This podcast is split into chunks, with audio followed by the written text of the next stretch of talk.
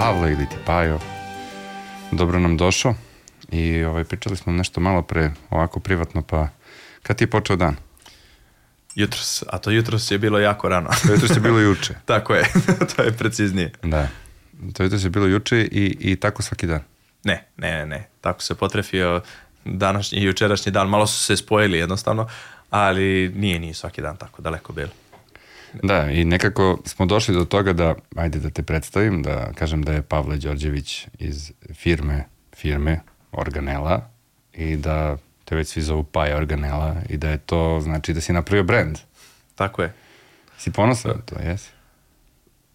Ne, kako neću da kažem, ne stižem da budem ponosan, ali gledam samo kako da se to razvija u, u onom smeru u kojem sam želeo, tako da to je put.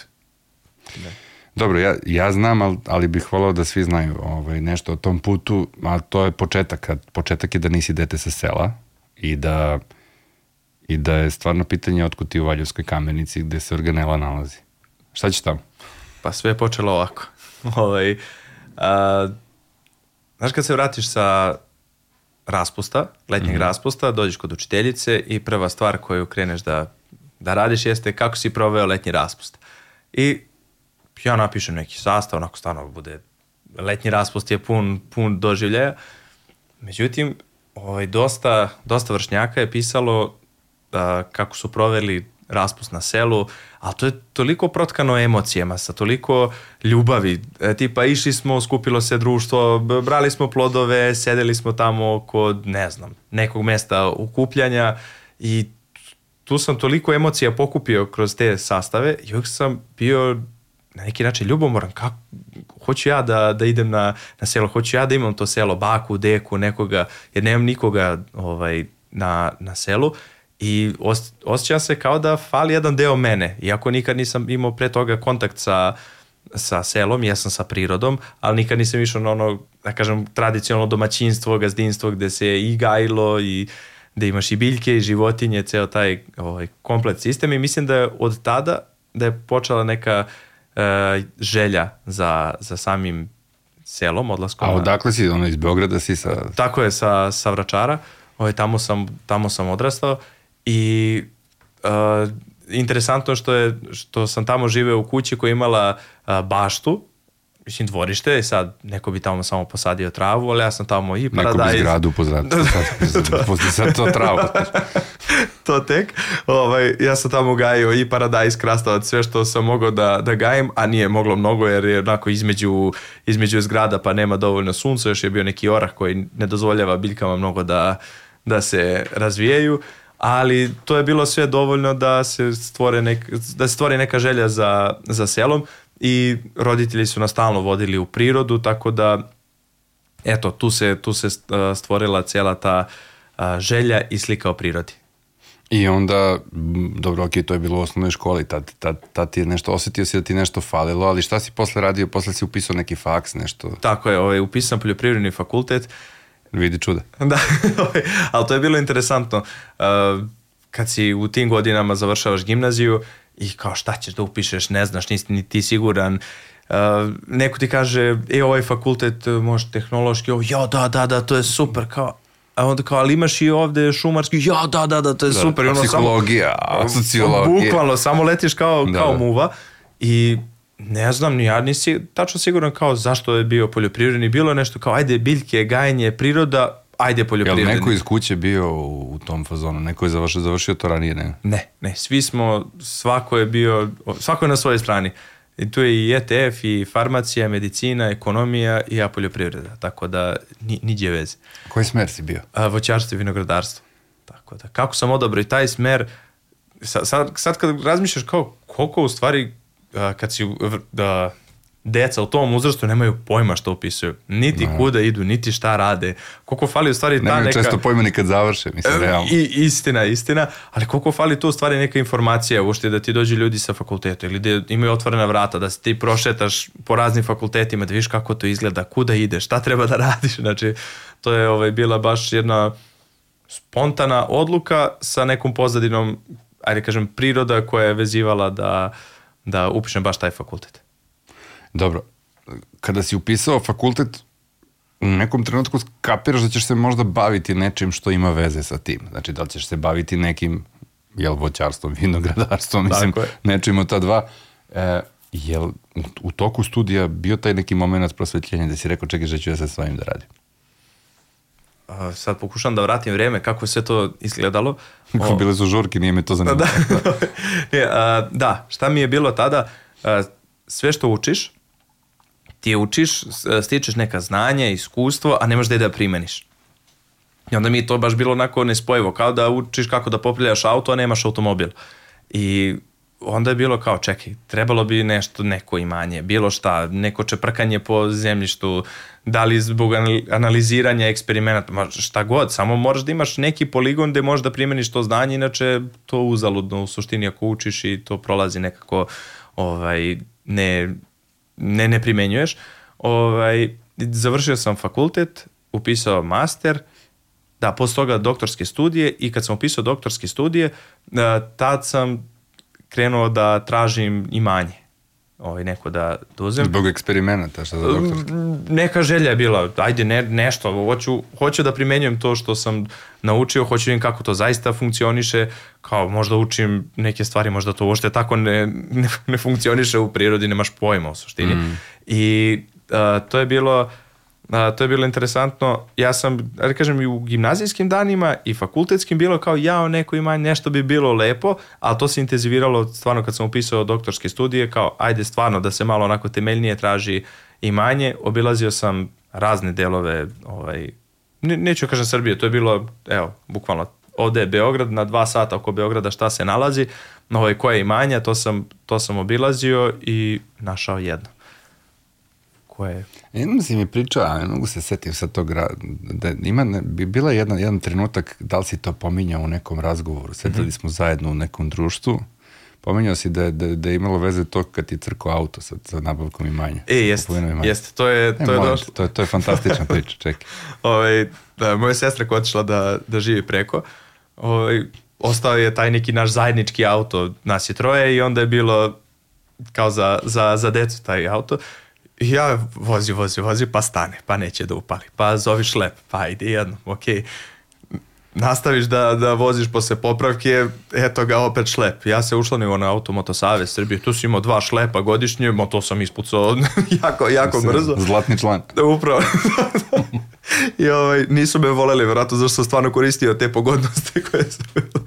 Ovaj, I sestra kaže, daj da, daj da ti uzem neki drugi auto, ovaj, neki drugi polova, nije važno, samo da je malo kvalitetniji i pouzdaniji, jer puno sam ja putovao tada. Mm. E, mislim, kretao se po Srbiji, što e, išao na rezidbe, radio ono uslužno, tipa Aha. pozovete, ajde negde seckaj ovo ili stalno sam se nešto kretao. I ja sam rekao, pa ne bih ja auto, ja bih imanje.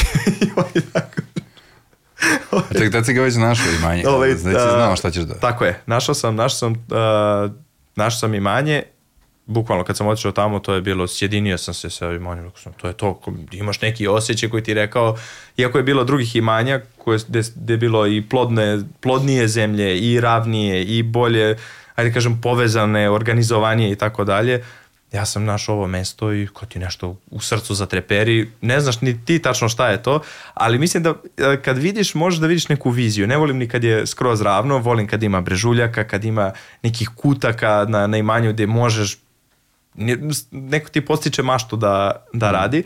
Ovaj, I to je, to je bilo zanimljivo. Uh, kad sam došao na imanje, video sam neku sliku tog imanja, neku otprilike kako će biti u budućnosti i nakon toga Znaš, dođu ti neki ljudi i savjetuje možda ovo, možda ovo, možda ono, saslušaš ti ljude, saslušaš sebe, menjaju se otprilike pogledi šta ćeš, gde ćeš, ali nakon, evo, više godina, uh, ono kako je prvi put bilo zabeleženo nekako u, u, glavi kako će izgledati imanje, tako je počelo se, tako je sada. Kao, Mislim, prv, tako je kao sada. prvi utisak o, o ljudima, ono, kad kažeš za nekog ovo je super, pa te malo iznervira, ti opet bude super i obrnuto, mislim, ima ono kao neko ti baš, ono. Tako je. Ali da, čekaj, šta, kako si išao do imanja čoveče, nemaš auto? Pa popravio sam, za toliko je... za toliko, za toliko je za toliko si. Čekaj, a šta je rekla sestra? A, sestra je podržala. Jeste. Cijela porodica me podržala, m, kako kažem, neverovatno. Ozbiljno, na, na keca, što bi na, se rekao. na keca. Ovaj, mislim da nisu bili sigurni da li će mene to držati kao ajde probaj vidi, jer često sam menjao stvari, tipa i sport kad treniram, mesec dana, dva, ide nešto drugo, i što se tiče poslova, bilo je kao ovo mi je sad zanimljivo, ovo, ovo, ovo, međutim ovo je jedina stvar koja me uh, usidrila, jer mm. teško mi je da ide bacim, bacim sidro, međutim ovo je da, mesto gde sam se pronašao, sfera gde sam se pronašao i toliko znači što su me podržali, jer bez njihove podrške ne, ne bi ovo slatko bilo na stolu. da, pa dobro, naravno da, mada ima mnogo ljudi, znaš i sam, koji su, koji su uprkos svima, što se kaže, uspeli, a ti si imao tu, to je stvarno zlatna stvar kad imaš taj motor, da ti neko u kući kaže, evo ti dozvola, radi sve, mislim, mentalna dozvola, Kako evo ti je? radi, radi sve što hoćeš. Dobro, koje je to godine kad se to dešava? 2017. godine. A dobro, to nije, nije toliko davno. Bilo. Nije, nije davno. Ali... I čekaj, kupio si, našao si imanje, to je Valjevska kamenica, okolina Valjeva, ali tako? Tako je. A tako. nije baš, nije baš ni blizu kad se pogleda ovaj kolima, da? Nije, nije uopšte u suštini. Ja i dalje nemam uh, taj pojam kao da je to nešto daleko, mm. jer, znaš, voziš u mislima, si razmišljaš, mm. uopšte ne vidim to kao neki veliki problem, 120 km je od Beograda, ovaj, da je daleko shvatiš kad treba da platiš gorivo. e, ali da, da se vratim, 2017. godine, to je bilo pre korone, to je, to je bio onaj period kad su ljudi pričali ja, ma, zemlju, koma to imaš da kupiš gde hoćeš, ma to ti je džab džabe, to možda nađeš ma evo ja znam otprilike kao njih onoliko, ja sam uh, svako, mislim svakog iz okruženja, ja mislim jedno 90% mog telefonskog imenika zvao pitao, rekao, ljudi, a znate da li ima negde neka zemlja da se prodaje? Da ta, ima... ta što ima svuda. E, e, upravo to. E, pa ne znam, kao, ajde raspitaj se, vidi kao, pa ne znam, niko nije znao nikoga da spomene. To su neki stereotipi koji se onako vrte, stvarno postoji negde zemlja, ali svi pričaju kao, to može svuda, kako kažem, neki stereotipi koji tu onako stalno guraju i ovaj, i onda kada malo više zagrebeš, niko nije znao. Uh, jeste Andrija iz, iz Valjeva, moj kolega, mm -hmm. ovaj, on me tada sproveo po raznim imanjima, po po Valjevskom kraju, gdje mislim da sam tako i zavoleo taj Valjevski kraj, što sam često tokom studija dolazio mm -hmm. tamo i oduševio se uh, sposobnošću ljudi koji su tamo i prirodi.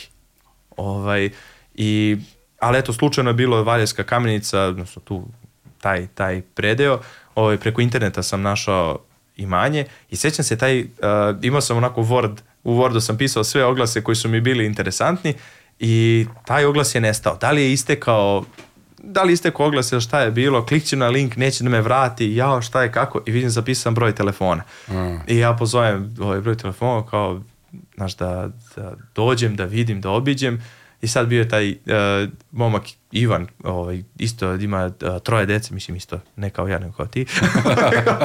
da, da, dobro.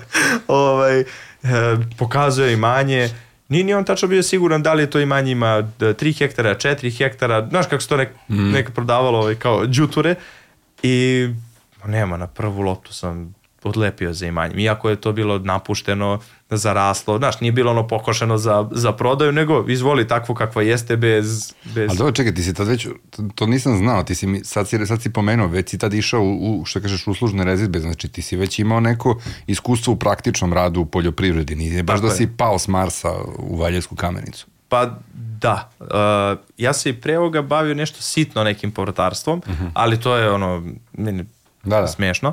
Ovaj, međutim, išao sam to po, uh, po selima, voćnjacima, orezivao, međutim, orezivanje je samo taj, onaj, neću kažem finalni ovaj, korak, treba i da izraste to, to neko drvo, neki žbun koji treba orezati. Ovaj, tako da imao sam znanje, mislim znanje stečeno, praktično jako malo, ovaj, i onda mm, fali ti, fali ti da, da učiš. Mislim, mi dan danas učimo ono kao sadiš nešto, gledaš kako će se ponaša, no. Da. mislim, to, to je jedno beskrajno, beskrajno učenje zato što je priroda toliko kompleksna, toliko ima faktora koje onako menja svake godine, koji faktor će da pojača, koji će da. da smanji i onda kao i ono što znaš, nemaš pojma. Dobro, taj trenutak kada si počeo da, da šljakaš, vidi, parkiraš se tamo i sad treba od nečega krenuti, verovatno u tom trenutku nemaš ni lopatu, ni, ni, ni motiku, nemaš, nimaš ovaj, olovku i dobru volju, ali tako? Tako je. E sad, ja stalno slušam priče o prijatelja, mislim da svi imamo po jednog tog, onaj, onaj što, što je ušao u neku lovu, nekak, nešto je zaradio i onda kaže, daj nešto čuče na selu bih hteo nešto, neki vinograd, ili bih hteo neki voćnjak i šta bi bilo najbolje i, i pričam, da, znaš, znaš o čemu pričam, ne, to je taj, taj tip, ono, jedan. Apsolutno. Uvijek ti se javi taj jedan i pitate, i pitate šta. Ali čekaj, ti si, ti si u tom trenutku realno bio taj Da. koji, koji je krenuo, krenuo u tu matematiku i sad, ali znaš, taj, taj prvi osjećaj kad ti dođeš tamo, to, me, ja imam, sad imam, a kad mi dok mi pričaš, a ja pošto sam bio kod tebe na imanju i video sam kako to izgleda i negde zamišljam kako izgledalo kad si ga pazario, ja, ja imam utisak da je to prvi osjećaj, da je prvi osjećaj nemoć. Ne znam, ili, ili šta je. A prvi, prvi osjećaj je da krenemo. Eto Ajmo to, nešto. Aj, ajde da krenemo. E sad, a, odlično, odlično pitanje si postavio. A, kupljeno imanje i kao št- šta ću sad? Kupljeno je, ovaj, imao sam neke plan A, plan B, otprilike u kom da, da se razvija. Tad je bio samo plan A. Trebalo je da a, mi budemo nečiji kooperant. Aha. Znači, trebalo da posadimo ono, zasad, se, za, ali kažem, uh, ugovoren uh, otkup i tako dalje. Međutim, neke sadnice koje su trebale da stignu nisu bile kako treba. Ušte na granici sa Srbijom se ono kontrolom ustanovilo da, da su zaraženi i tako dalje. I kao to ne može da stigne kod nas. I cijela ta priča propada. I šta sad? Znaš, kao ti si, da, već sam napravio cijel projekat kako e, protivgradne mreže, mislim protivgradne mreže, sam da praviš mreže, kako da ih konstruišem. A sećam se, ja sam tad radio u jednom institutu, pa stalno sa kolegom, a šta misliš da stavimo ovako mrežu, pa ovako, pa onako, pa ovo, pa ono, znaš, raz... A radio si u institutu? tako? Jeste, jeste, jeste. A u kom? A, za multidisciplinarno istraživanje. Wow. I e, tamo se bavili analizama zemljišta, biljnog materijala, neverovatan jedan institut i pre svega ekipa koja je prepuna znanja i iskustva i baš, baš jedno, jedno dobro mesto i jedno, kako kažem, a, dobar, dobra institucija gde možda budeš Uh, meni je značilo to znanje koje sam stekao tamo i primenio posle na samom imanju. Dobro, ako se ne varam na institutima, ne, ne, negde po statutu mora da radi ne znam koji procenat doktora nauka, znači ljudi Tako koji je. su koji bi trebalo da su u vrhu svojoj struci. Tako, ali imaš i doktora nauka koji su onako knjiški moljci Da, koji da, da. ne izađu na teren, međutim ovo je potpuno jedna nestvarna, nestvarna ekipa ovaj, i hvala im na tome. Naravno, Ovaj, da, da. a, volimo da, da pričam zato što, kažem, postoje neki umrtljeni instituti, postoje živi instituti, postoje radne grupe koje, za koje se ne čuje, a koje rade mnogo i koje stvaraju i koje doprinose ovaj, ne samo a, tom akademskom bildovanju, nego uopšte i saradnji sa privredom, to je mnogo važno. Ti, oni su sarađivali i sarađuju dan danas sa određenim, na primjer, e, vinarijama, vinogradima, koji imaju konkretne probleme. E, imamo konkretan problem sa ovim, kako da rešimo konkretno, ne sad ono u teoriji šta bi bilo Da, kad da, bi da, bilo. da, da. I to je, to je nešto što mislim da je jako dobar smer kako, kako treba institucije da se razvijaju.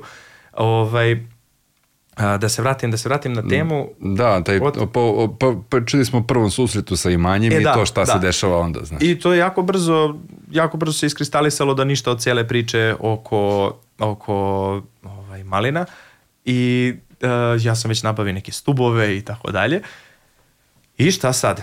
I sećam se a, tata sa jednim drugarom da prolazio je blizu kao i ajde da svratimo da vidimo kako izgleda imanje. Inače, ja sam dobio podršku da kupim imanje, sam sam kupio, znači nisu, se- nisu oni ni došli da vide kao je, znaš, da li je to ovako, onako. Pustili su me skroz sam da odlučim, što je isto velika, velika stvar. Da, to je sjajno. Jer onda je bilo, pa vidi, ovo ti se rušava, ovo je ovako, ovo je onako. ono. Ne, niko se nije mešao, nego su došli i onda tek, tek videli. I tata dolazi sa, sa prijateljem, dolazi rođaka, potpuno neplanirano od tate, sa nekim prijateljima i ja rekao kao ajde trknem do radnje, kupim neko meso da, da ispečem roštilj, napravim neku salatu, znaš, da ih dočekam, onako, ja sad do domaćine, kao Da, da. u nekoj kući koja je tad ono, uh, kako kažem, nije ni bila potpuno adaptirana za, za život i uh, spremim ja tu klopu i dolazi rođaka koja je inače po struci fizičar, međutim obožava prirodu i ono kao ajde da sproštamo po imanju da vidimo šta, šta je, gde je, znaš, gde su granice, šta postoji i tako dalje. I ona kao, ja vidi imaš uh, bagrem tamo, vidi kako je procvetao, daj, daj uberi cvasti bagrem. Ja uberem. Kao, ja vidi imaš nanu, imaš koprivu, ja idem sa njom, znaš, kao ono šegrt koji onako samo pakuje ko hajdi, ono polivadi, znaš, ovog pletanu korpu, ovaj, ubacujem sve te biljke, dolazimo u kuhinju i ona kao, e, jel imaš uh, ja, imaš ovo? Rekao, da, imam. I ona krene da pohuje e, cvas bagrema, pa pohuje ovu koprivu, pa napravi potaž od koprive i napravi jelo, jela u stvari od biljaka koje su bile već tu na imanju. Ono moje meso niko nije jeo. Znači, bukvalno ono stoji tamo, onako, suši se. Ovaj, I svi jedemo taj potaž, svi jedemo tu a, pohovanu koprivu, bagrem, to je prelepo, prelepo. I meni se već pali lampica, čekaj bre, mi kad smo bili mali, uh, sjećam se odlaze roditelji na pijacu, kupe neku koprivu, pa umuljaju ti tamo da li je kopriva ili je neko zelje ili ko zna šta je, nije ni važno. I ovaj, a sjećam to se kupovalo na, na pijaci. Sad kad odeš na pijacu, toga nema više, niti da iko prodaje koprivu, niti... Redko, jako redko. redko. mislim, baš, baš redko. Ovaj, rekao, što se ne bi prodavala kopriva? Čuče, to je, a, nije zaboravljena vrsta, znači ljudi znaju koliko je lekovita, koliko je zdrava i sve, a opet je nema na, na tržištu. Ajde da to bude neki prvi proizvod. Ajde da pravimo potaž od koprive da se, da se to prodaje. A, ajde ovo voće koje postoji već na imanju da se i ono prodaje, pa tako je krenula cela priča, korak po korak, onda imaš više voća nego što možeš da, da prodaš, ono kao prodaješ ljudima koje znaš i uh, onda je bilo kao moment, ajde da prerađuješ to, ono, kućna radinost, nemaš pojma ništa o tome, onda rođaka je tu ovaj, skočila, stvarno mnogo pomogla.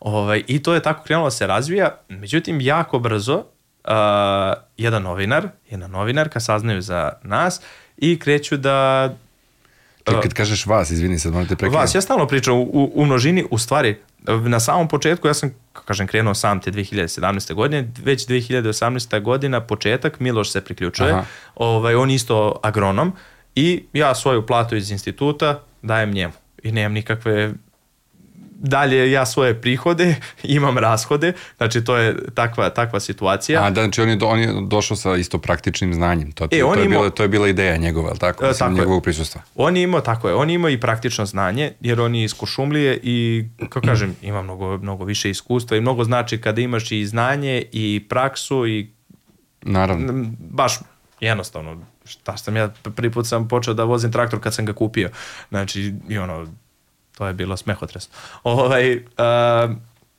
mnogo, mnogo priča, šetam se, šetam se Ne, sa... ne, ne, sa priča, da, ja sam te prekinuo zato što, zato što si već, već si došao do momenta, pričali, si- pričali si o tome, ajde da prodajemo koprivu, Mhm.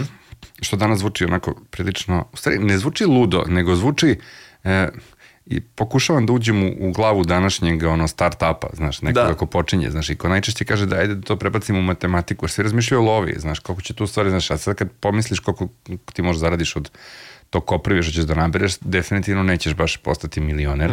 pa apsolutno. to kažem, znaš, i onda, i onda mi to zvuči kao ne, ne, ne hrabro, nego neobično, znaš, u najmanju ruku, Potpuno, znaš. ono. potpuno, potpuno. Pazi, tebi je propao, propao jedan plan. Da, odmah plan B je bio, ajde sadimo jagode. Zato što ako su maline propale, jagode posadimo ove godine, naredne godine već imamo šta da Mm. beremo. A do tada, ajde kopriva, ajde nana, onda smo ubacili koke, ovaj, da bi ih prodajem jaje isplatio uh, trošak goriva. Ovaj, posle Da. toga kao ajde bašta i sve nešto onako pomoć štapa i kanapa dok ne dođu te, te jagode, posadili smo hektar jagode, što je preludo. Pot, mislim, Da, da. sada, sada me pitaš da li bi to radio, ne bih nikad, ovaj, samo zato što je o, o, ogroman posao, a teško je kontrolisati jedan hektar, pa ti ovamo zaraste, tamo počupaš korov na jednom kraju, na drugom je već Da, nikao da, i da, spreman i tako dalje. I dolazi, dolazi taj moment uh, berbe jagode. Znači, ajde kažem, preživeli smo onaj period do berbe jagode, naravno na mišiće, ono, idem i ja, orezujem da bi zaradio novac, eh, to je stvarno ono, jurnjava, eh, da, da, da preguraš sve te, sve te troškove koji su, koji su tu. I ovaj, a, stižu, stižu jagode. Prva, prva berba. Sad shvatam, aha, tu ima jagoda, tu, tu, tu, tu, tu, tu, hektar, bre, pa to je ogromno. Znaš, kao, to, je, to je velika količina. I kre, krećem da, da zovem e, radnje, ko hoće, znaš, da li neko hoće da otkupi i tako dalje. Da, mi smo se sertifikovali u samom početku. Znači, kako je Kad kupljeno... kažemo imanje. sertifikovali, ajde da objasnimo ljudima, Mhm. pošto, pošto ne- znaju o čemu pričamo. Kad kažeš sertifikovali, misliš da na organsku proizvodnju. Tako je, tako Znači, je. postoji organski proizvođač, što znači da si ti proizvodio prema nekim principima, da to ljudi shvate, ovaj, pošto ovaj, mi, nama se podrazumeva u razgovoru. Jasno, kao šta je.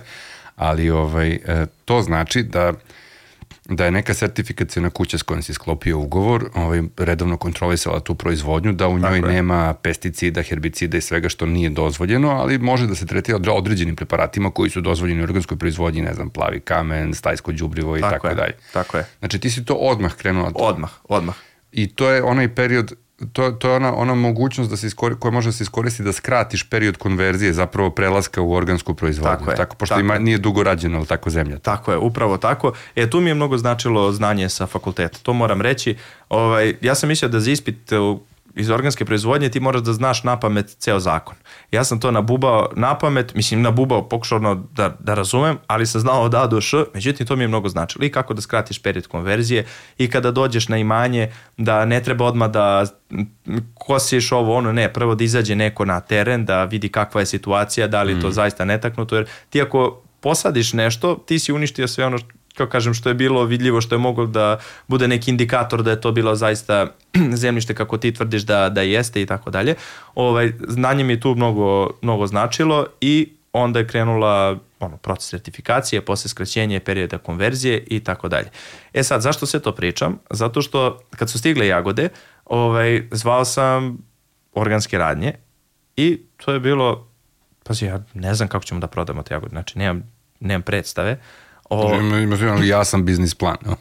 Vrlo. vrlo jasan. Znači, kao, imaš neku grupu Ajde, koja ima posadimo pa će da vidimo.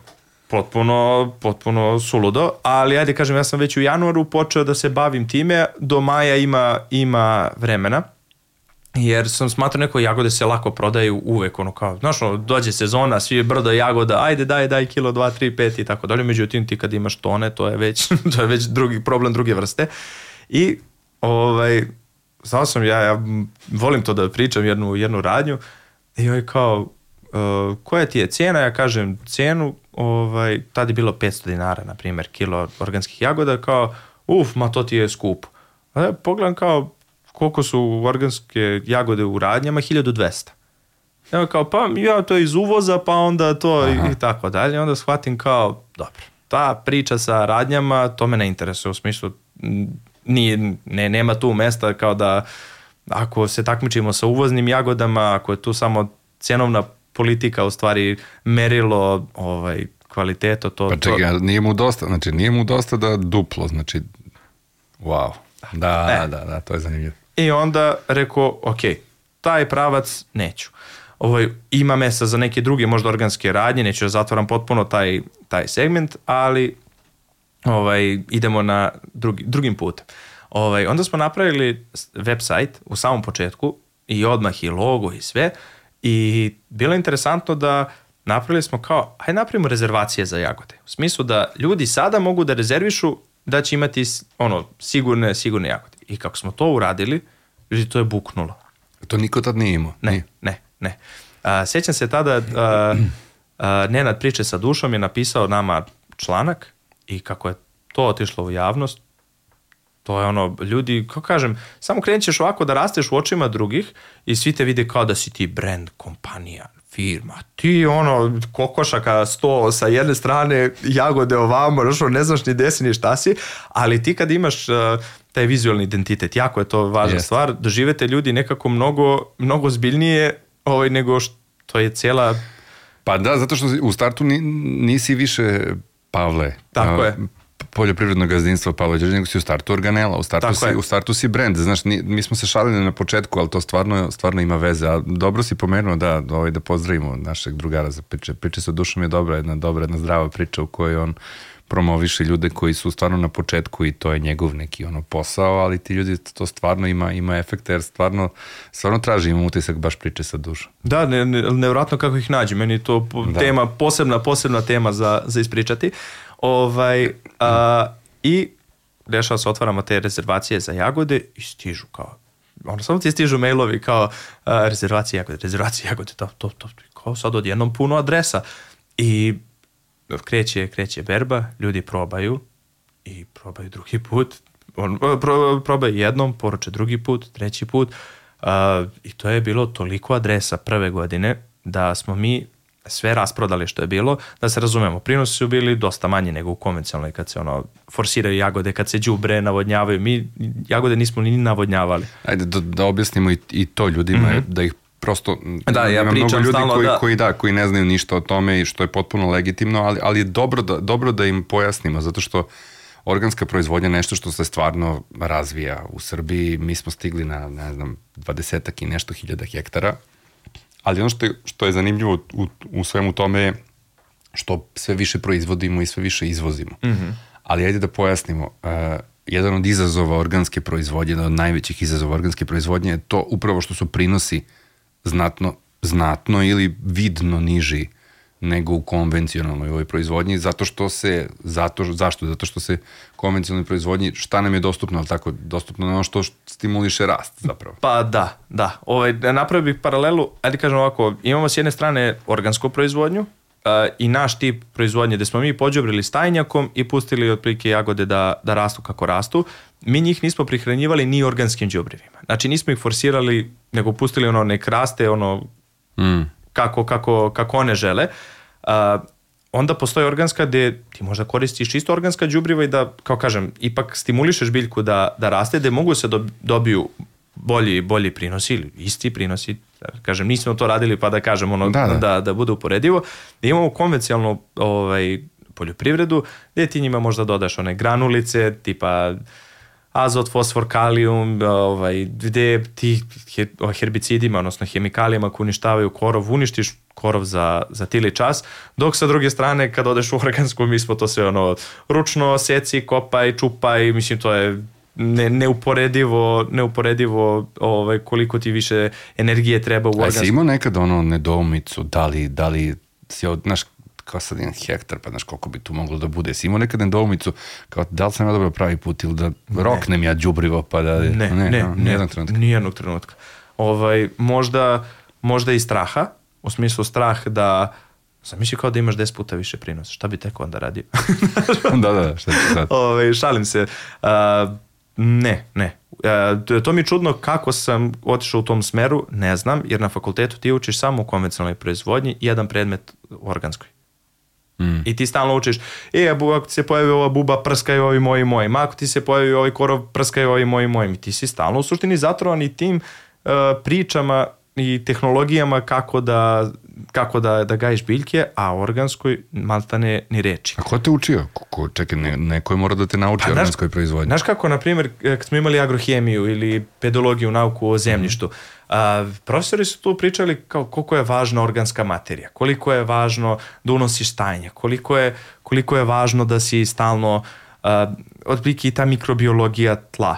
I oni su rekli koliko je to važno, važno, važno, A sa druge strane, kada učiš neke predmete iz voćarstva, stalno čuješ uh, džubri tim i tim i tim, prskaj tim i tim i tim. I mislim da ovo što sam čuo da je jako važno, sam shvatio da niko ne vodi računa o tom važnom mm. i kao ajde da vodimo, ako to zaista važno i to utiče na, na i kvalitet ploda i na ukus i na miris i na, na sve, ovaj, ajde da se pozabavimo tim stvarima jer to je neko, kako kažem, sistem da ti brineš o prirodi, priroda brine o tebi i idete zajedno ste na, na tom putu.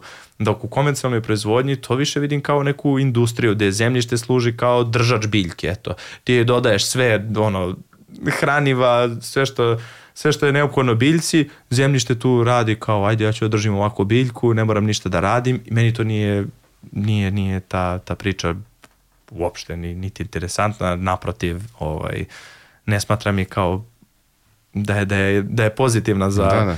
za prirodu, a opet toliko ljudi otišlo sa, sa sela u grad, toliko manje proizvođača ima da uh, nije ni čudo zašto se konvencionalna proizvodnja toliko razvila. Znaš, kao ranije svako ima svoju jabuku.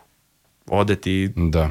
50% ljudi u grad, više ti 50% ljudi nema svoju jabuku. Ajde, da, da, vratit ćemo se na to zato što sve više opet ima ljudi koji imaju svoju jabuku, što je isto ovaj, mm. dobro na, na, na više nivoa.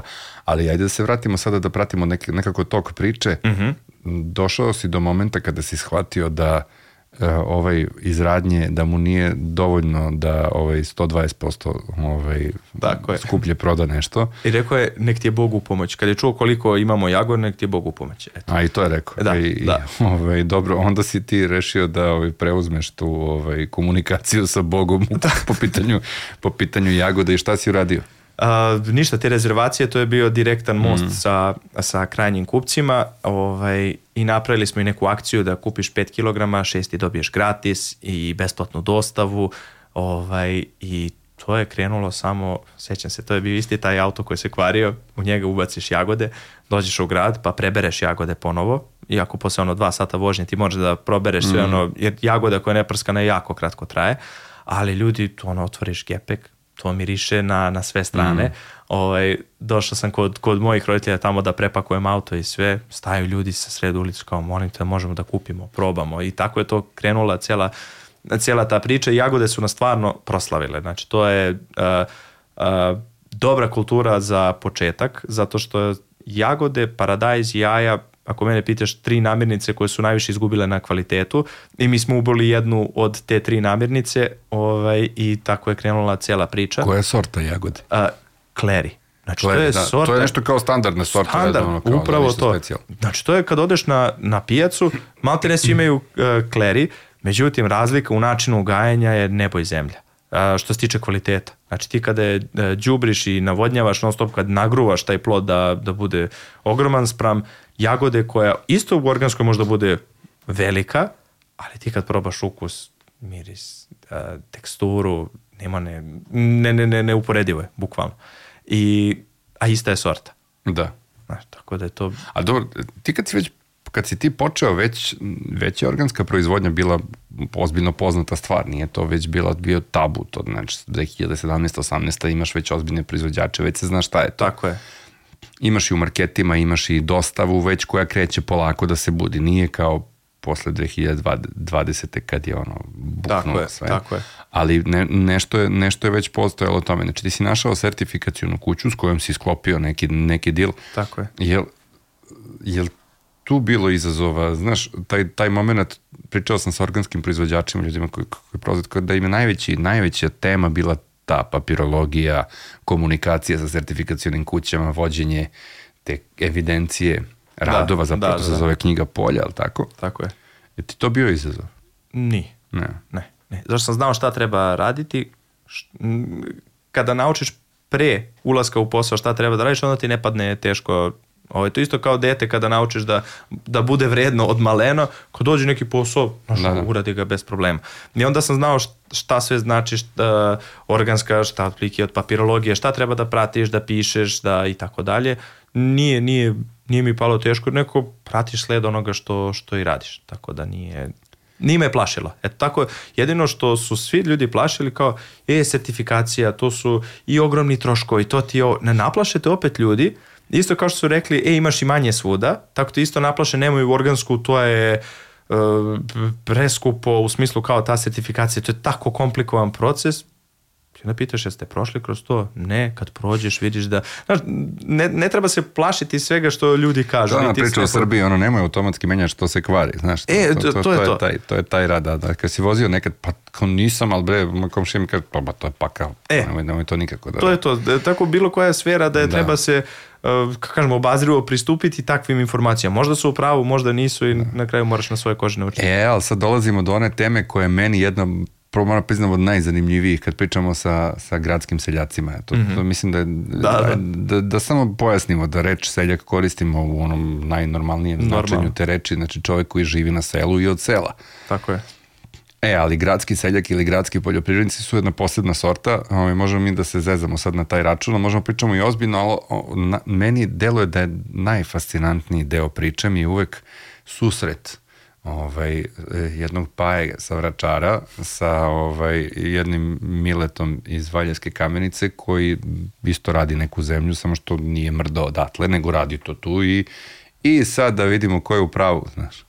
Jel ima taj moment kako, kako je to izgledalo u praksi? A, bio je moment kad smo mi posadili već jagode, a, neko rekao, ja, ovamo su gajili jagode, ma ništa, to, to nije zemlja kod nas, to ti neće uspjeti, to ne može ovako. Mislim, to u kafani par ljudi reklo, nije Da, sad da. to.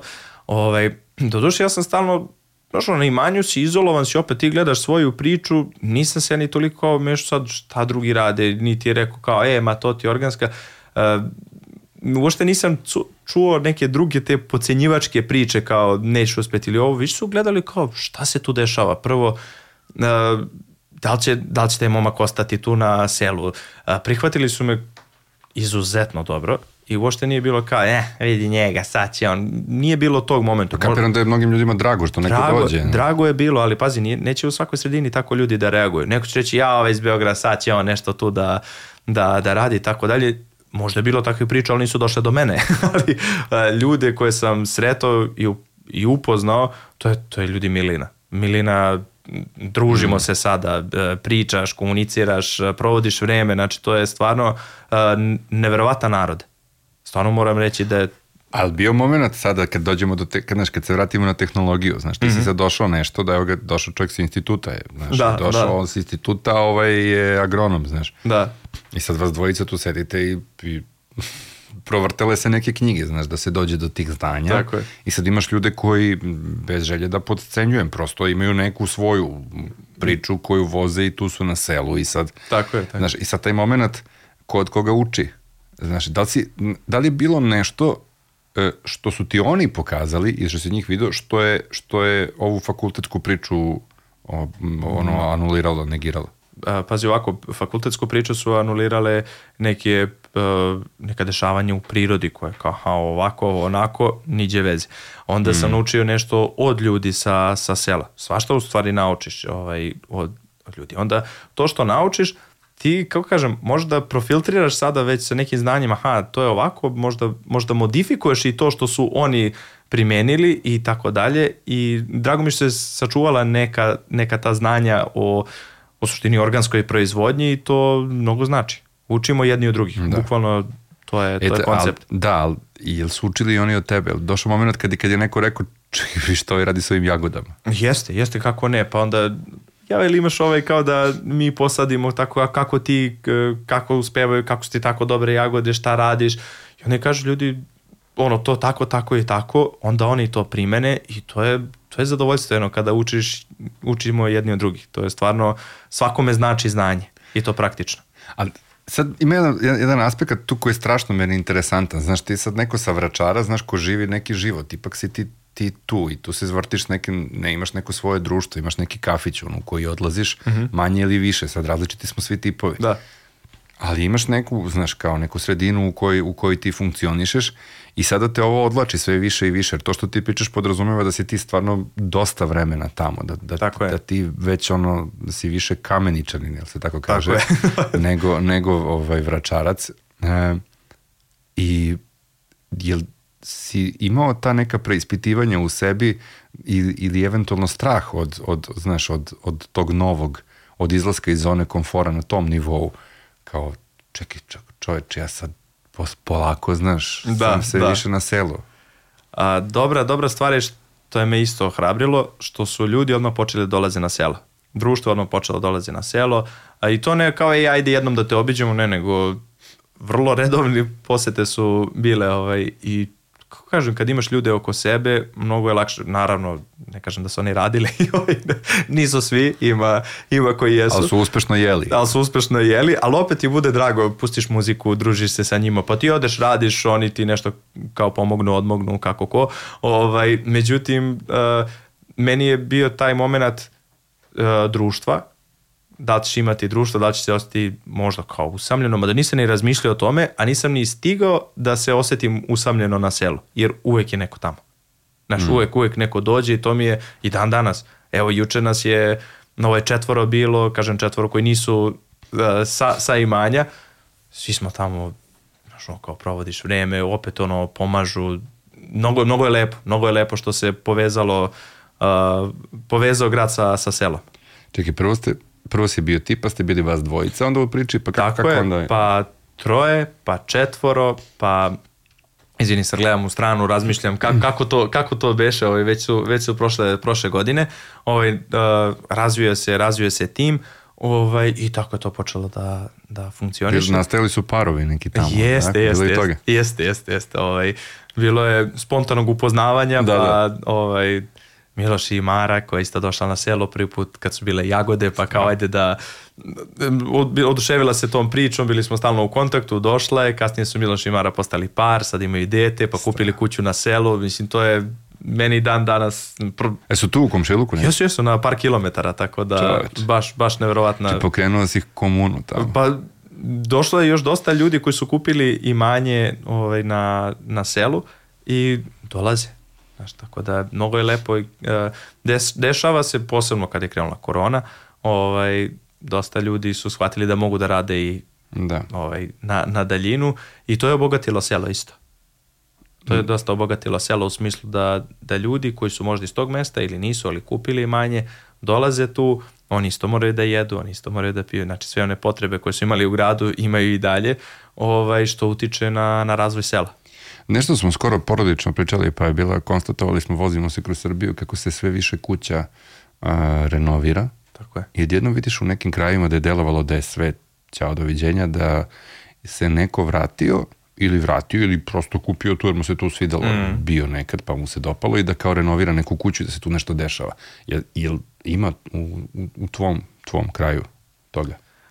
Pa ovako, naš kraj je dosta živ. Za sela kakva su ovaj, po Srbiji, dosta je živo selo i ima, kako kažem, ima života, ima i, mislim, mladih, nema tu mnogo, ali dovoljno Dobro, da, da. da imaš neku, neku ekipu. Ali uh, ja sam taj koji upoznaje sredinu. I sad teško mi je da kažem ko je kada došao nije, neko može bolju paralelu da napravi koja je već duže vremena, dugo lupam, 10-15 godina, pa kaže, e, došli su ovi, ovi su renovirali, ovi su i tako dalje. Ali sam upoznao pre, ali prefantastične ljudi. Ja ne mogu da vam da, da, da vam opišem ovaj stepen, ovaj, ka- kakav je to kvalitet ljudi. A jedna porodica iz Beograda koja je inače poreklom iz Kamenice, oni sad mnogo često dolaze, ovaj, tamo, tamo borave sa, sa, sa decom. A, toliko mi je drago što su tamo, to je takvo jedno bogatstvo koje oni pružaju u tom kraju u smislu ne, ne materijalno na, na to mislim. Tako da ovaj, gledajući druga sela i ja sam isto to zapazio da se dosta kuća renovira. Sad, a, isto što je upitno koliko oni tamo provode vremena, da li su često, koliko će dugo ostati, ali mislim da je korona promenila dosta, dosta stvari, definitivno. Ovaj, Nije samo korona, nego i razvoj e, grada, na primjer Beograd. Ti, ti vidiš koliko ti vremena treba da dođeš od jednog do drugog mesta gde postoji neizdrživo pa i cena stanova, da, da hoćeš da kupiš, da hoćeš da iznemiš. Dosta ti pokrene mozak da, na, na razmišljanje. Da, ali tu, ono što najviše ljudima, bar s kojima ja razgovaram, koji su negde ili zasnovali porodice, znaš, kreću u tu priču, najviše ih, je, najviše ih negde sputava taj strah od toga gde će deca, znaš, kao da li će deca imati, imati sve prilike koje imaju u velikom gradu, e sad, i to je kapiram prilično diskutabilna stvar, znaš, da, šta, šta su prilike za decu i, i kako se oni formiraju u velikom gradu ili u, ili u malom selu, to je već priča, priča Tako za je. sebe, ali ovaj, eto, Miloš i Mara, kažeš, eto, oni su, oni su shvatili da, da im više prije da, da tamo funkcioniš. Tako je, ovaj, pa, e, ima vrtić u, na samom selu, ima škola koja ima neki tipa 150 đaka, što je Pa dobro, to je što, ozbiljno. što je da. ozbiljna, ozbiljna škola. A, pritom, kadar u, u toj školi je isto genijalan, u smislu kakve saradnje smo napravili Mm. da dovode decu na imanje, da oni tamo uče. Mislim, svestranost, to je nevjerojatno, kad imaš kvalitetne ljude, svašta, svašta možeš da uradiš. Ovaj, ali da, apsolutno je bojazan ako ti odeš u neku malu sredinu gde nemaš vrtić ili imaš vrtić sa dvoje dece, lako je, lako je da pričam kako kažem, iz e, s mog aspekta zato što je selo razvijeno. Mislim, razvijeno. Imate osnovne, Da, da. osnovne uslove da može dalje da, da, da raste i da se, da se razvija. Ovaj, ali nije svuda ista situacija i zato i kažem, niko ne može da prati niči recept kao je uradi to, to i ti ćeš uspeti. Znači, to je Naravno. svako, to je takva jedna, uh, treba toliko i sreće i toliko u pravo vreme da kreneš prave stvari. Što, što si rekao, organska proizvodnja je već tada bila poznata, utemeljena. Znači mi smo došli i krenuli na nekim osnovama. Znači da smo mi bili pioniri kao u organskoj proizvodnji, pa da mi treba da pričamo, to bi bio jako težak put. Uh, I ovako je, kako kažem, zahtevan put. Treba približiti ljudima i dalje u, da obrazuješ ljude u suštini šta, šta to znači da nije organska samo prskano, ne prskano, nego mnogo širi koncept je iza toga. Ovaj, a, s druge strane, mi smo krenuli malo pre korone i sa dostavama, razvili smo ceo taj koncept, desila se korona, mi smo bili spremni. Svi su tad krenuli online platforme, ajde ovo online, mi smo već imali sve to spremno, dočekali smo. Tako da kažem, i to je velika sreća. Ovaj, s druge strane... Pa dobro, i sreća i malo vizija, znaš, malo znanje pa jest, neko. Znaš, pa, sve stoji, sve ja. stoji. Ovaj, I e, druga stvar, a, ko ima svoje imanje, taj, to uvek volim da spomenem, 10 nivoa ispred nas neko ko je imao traktor, ko je imao plug, ko je imao plastenik, ko je imao vodu, ko je imao kuću sređenu, znači to su sve uh, koraci koje smo mi morali da onako jedno za drugim da da popunjavamo. A pritom ušli smo u cijelu priču ne kao e imamo para, sad ćemo da krenemo, ne, nego kupljeno imanje, krećemo. Nego, nego on, doznake iz inostranstva. to se tako zove, ono, znaš, zvanično, kad kažu doznake iz inostranstva. Da, da, da. A kad si shvatio da si, kad si shvatio da si ušao u biznis priču, znaš, u biznis plan, znaš, jer došlo je, bio jedan moment u kome ti mm, sadiš ja, ove jagode, a nemaš pojma realno šta ćeš s tim, a i onda je sledeći moment da, da, da si jedna od firmi koja, koja je najpoznatija u Beogradu kada je reč o, o dostavi zdrave hrane, znaš. Kada je, kada je moment kada si ti shvatio da, da si ušao u posao, u stvaran posao? A, od samog početka Ali šta je fora? Nemam pojma da ću da prodam jagode, znam da ću ih prodati. Znam da će naći. Znaš kad... Uh, ludi optimista, eto. Uh, da. Ali to nije biznis model, da se razumemo kao, znaš da ćeš prodati, uh, ali si, bio sam uveren nekako kao, ako nađeš nešto što je kvalitetno, ljudi vape za time. Krenuo sam, opet što nije dobro, od sebe, kao koje su moje potrebe, kao koje su tu dobre jagode, pa kupit ću te jagode, što ih volim, ako volim dobre mandarine, kupit ću dobre mandarine. Ovaj, a kako kažem, u tom periodu a, nemaš ništa, znači nemaš ni mehanizaciju, uslužno su namorali, uslužno su postavljali, znaš, za jagode. Jesu te drali? Nisu, nisu. Kad, znaš, kad provrtiš, ne, ali ne, to, je, okay. to je logično pitanje. Pot, pa, znaš, potpuno ono, logično ne, dođeš pitanje. neko nema pojma, znaš koliko košta oranje. Upravo, mislim, raspitao sam se ja na više da. mesta, pa imam, imam ovaj, dobra stvar je što puno imam kolega po raznim delovima Srbije onda se čuješ, mm. stalno si na, ovaj, na, na vezi, razmenjuje znanje, iskustvo i sve. Ovaj, I a, to je interesantna priča, ja sam otišao u jednom trenutku u Australiju na par meseci da bih zaradio pare za plastenik. Šta si radio čoče u Australiji? Konobari su, kelneri su i tako dalje. Rekao, ajde, treba mi... Pa nisi mogu negde bliže, karta do Australije čoveče košta. A, potref, potrefilo se da sam imao tamo gde, šta i kako, ali nisam imao posao. A. I ovaj, trebalo je da vozim i Uber i kad sam shvatio da, da ne voze na istoj strani, da ja ne umem ulicu da pređem, a kao li da vozim kola, ovaj rekao, ne, nema šanse. I seća se, upoznajem jednu, jednu francuskinju I ona kao, ja idem kao da dam uh, otkaz u restoranu, nisam radila, bila na bolovanju dve nedelje, levo desno. Ja rekao, ma čekaj bre, idi ti, ok, daj otkaz, ali kao možeš da kažeš, evo, našla sam zamenu. Da, da, da. I tako je, tako je bilo. Ovaj, otišao sam, otišao sam tamo, kao ajde probni rad, krenuo ono, da, da radim, snašao sam se sasvim ok, s obzirom da sam već to radio, ovaj, imao sam neko iskustvo u, u, u tim stvarima, nemam ne veliko, ali dovoljno da mogu da, da uđem u tu priču i krenuo sam da, da radim i zaradio sam ovaj, neke pare i sad kao ću da kupim plastenik. I sećam se, ovaj, drugar je rekao kao, uh, koje, s kojim sam radio tada, kao, te pare nemoj da, ono, kao, investiraš, nemoj svoje, ajde da ima kao konkursa, ajde da, znaš, da uđemo u te vode. Ja rekao, apsolutno sam za. I otišli mi tada u NTP, Naučno-tehnološki no. park i tamo je, ja mislim da se Goca zove ovaj, direktorka, ona je rekla čime se divno, čime se bavi, ako vam trebaju kancelarija, ako vam treba ovo, bilo kakva pomoć i ono kao, znaš kako nadahnuće smo dobili kao tek krećeš i neko te tako dočeka sa, sa toliko motiva, entuzijazma, znači to je meni bilo, ne postoji veća, jača institucija od te. Ako te neko na prvu loptu tako dočeka, A da, aj sad da malo to, de, znaš, da, da, da, da demistifikujemo celu da. stvar. Ima malo i do čoveka, znaš, ima malo i do toga da su naši ljudi, primetio sam, znaš, strašno stidljivi i strašno uh, teško komuniciraju. Mm -hmm. Da. Znači, dođe do tog momenta, ja ću da kažem otvoreno šta ja želim, pa ćeš ti da mi kažeš šta ti možeš da mi ponudiš, Da, pa ću da. tebi reći šta ja mogu da ponudim. Znaš, malo smo skloni da, da, da, da ćutimo, znaš. Istina, to, to si upravo znaš, potpuno. a ti nisi taj tip, ipak je trebalo da dođeš nekako da pokucaš na vrata Jest, naučno-tehnološkog parka, kažeš, "E, vidi meni nešto treba, znači, jer će svako reći, znaš, pa ko što ja to nisam dobio, pa možda zato što nisi pitao, Da, znaš. tako je. Mislim, tako je, ne, ne, potpuno. ima i toga. I uh, u tom uh, naučno-tehnološkom parku saznajemo za dva konkursa koje su bile, jedan je bilo nešto najbolja preduzetnička inovacija, a drugo je bilo neki fond, nije ni važno. I uh, kao ljudi prijavite se, imate ono još tri dana do zatvaranja konkursa ili dva dana je bilo.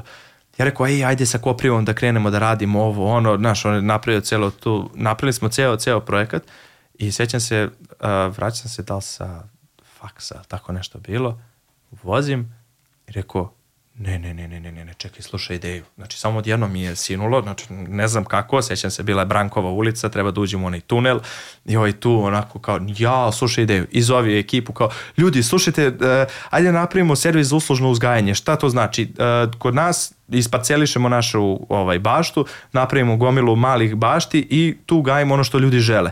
Ovaj, ja mislim da mi je motiv bio drugar, ovaj, koga sam sreo, nažalost imao je problema sa debelim crevom, ovaj, kancer i tako dalje i on je morao da jede tad samo organsko. Rekao, daj čoveče, gajit ti šta god hoćeš, znači ne treba ništa da platiš, samo Da. bi, da ti bude provereno, da ti bude sveže i ono što ti treba da možeš sve da imaš. I ja mislim da mi je to bio klik za, za tu ideju i mi se prijavimo sa tom idejom. Sad sam je uprostio, ima tu raznih ovaj, stvari i mi tu dobijemo nagradu, drugo, drugo mesto i dobijemo sredstva. I onda sa tim sredstvima kupimo hladnjaču, ovaj kombi, pa kupimo a, plastenik, pa onda od drugog fonda tu prođemo i tu dobijemo ovaj, neki grant, pa smo od toga kupili motokultivator ovaj, i tad je počela u stvari era projekata. Kao mm. projekti, nagrade, inovacije, takmičenja i a, da nije bilo toga, mnogo bi sve sporije išlo, jer mi smo pomoću tih projekata u stvari dobili osnovna sredstva za rad. Ono što neko već ima s aktivnim gazdinstvom, mi smo pomoću tih takmičenja i truda, što kažeš pita i kuca i ovo ono, ovaj, došli do toga da tako opremimo ovaj selo. Kad kažem opremimo, da kupimo mehanizaciju, ovaj, Ali to, iza toga stoje neke realne ideje, znaš, i tako je, ostvarive, tako je, tako? apsolutno, apsolutno. I ti ono što uradiš u što napišeš u projektu, to moraš da, da realizuješ. Ovaj, mnogi pitaju sad šta je sad sa tim servisom za uslužno uzgajanje, mi smo njega modifikovali. Uh Mhm. -huh. ovaj, dešava se danas da mnogi ljudi kreću u upravo te ideje. Sad imaš nekoliko firmi koje rade upravo to Jeste što ima smo... ovi momci iz, oni Farm- su iz Varvarina, ili tako nešto, od njih dvojica sa e, Fona. Farmit. Da, da, Farmit, tako je, Da, tako je. Fonovci, sjajni, E, sjajni tako je. momci, mladi, da. E, pazi, oni su napravili super priču, bukvalno je taj koncept, da, tako su to lepo predstavili. Mladost je čudo. Znaš, osjećaš, Da. osjećaš njihovu e, energiju, baš je strava, ovaj, kako kažem, ceo, a, cijela priča i bukvalno, kako kažem, to je taj koncept što smo mi krenuli pre ne znam a, koliko je već prošlo godina. Međutim, mi smo a, shvatili da ti ako imaš 100 porodica, to ti je 100 bašti, 100 sistema za navodnjavanje, 100 puta red paradajza, 100 puta red ovoga i izgubiš se. Znači, mm. postaje, nismo došli do tog broja od 100, nego smo shvatili na vrijeme, ček, čekaj, ovo, m, lepa je, lepa je priča, ovaj, mnogo, mnogo dobro zvuči, ali ti zadovoljaš ovaj, kod ljudi potrebu da oni imaju svoju baštu. Ali da li njima u tom trenutku ako rodi 4 kg tikvica, ti mu doneš 4 kg tikvica, ali njemu to treba? Možda i ne treba. Da, da. Ako ti rodi manje, a moraš da kupuješ na drugom mestu, da li si ti zadovoljio zaista tu potrebu za mm. povrćem? Možda i nisi. Ovaj, ja smo modifikovali taj, taj ovaj model uh, tako što ti, na primjer, imaš pretplatu, na, i nam, kod nas je pretplata samo dok traje sezona, um, daš, uh, na primjer, određeni iznos, lupam 5000 dinara, ti dobiješ 5500 dinara organela poena uh -huh. ovaj, i uh, mi možemo da gajimo za tebe šta ti želiš i kada dođe, na primjer, vremeno za poručivanje, uh, ti isklikćeš proizvode koje hoćeš i koliko hoćeš i ti imaš, kako kažem, realnu, realnu korpu koja je tebi potrebna spram tvojih ove, želja, ne ono što je rodilo, rodilo iz bašte. Ako smo posadili više paradajza i više rodilo, mi ćemo taj višak prodati nekom drugom. I onda uh, ti, na primjer, klikćeš, uh, poručiš, aha, uzet ću 5 kila paradajza, uzet ću ovo, ovo, ovo, tebi se onaj kredit što si uplatio smanjuje, ali si uzeo ono što ti treba, dobiješ povoljnije cene i uradili smo isti Da, da. koncept. Samo malo, kako kažem, optimizovali spram uh, želja kupaca.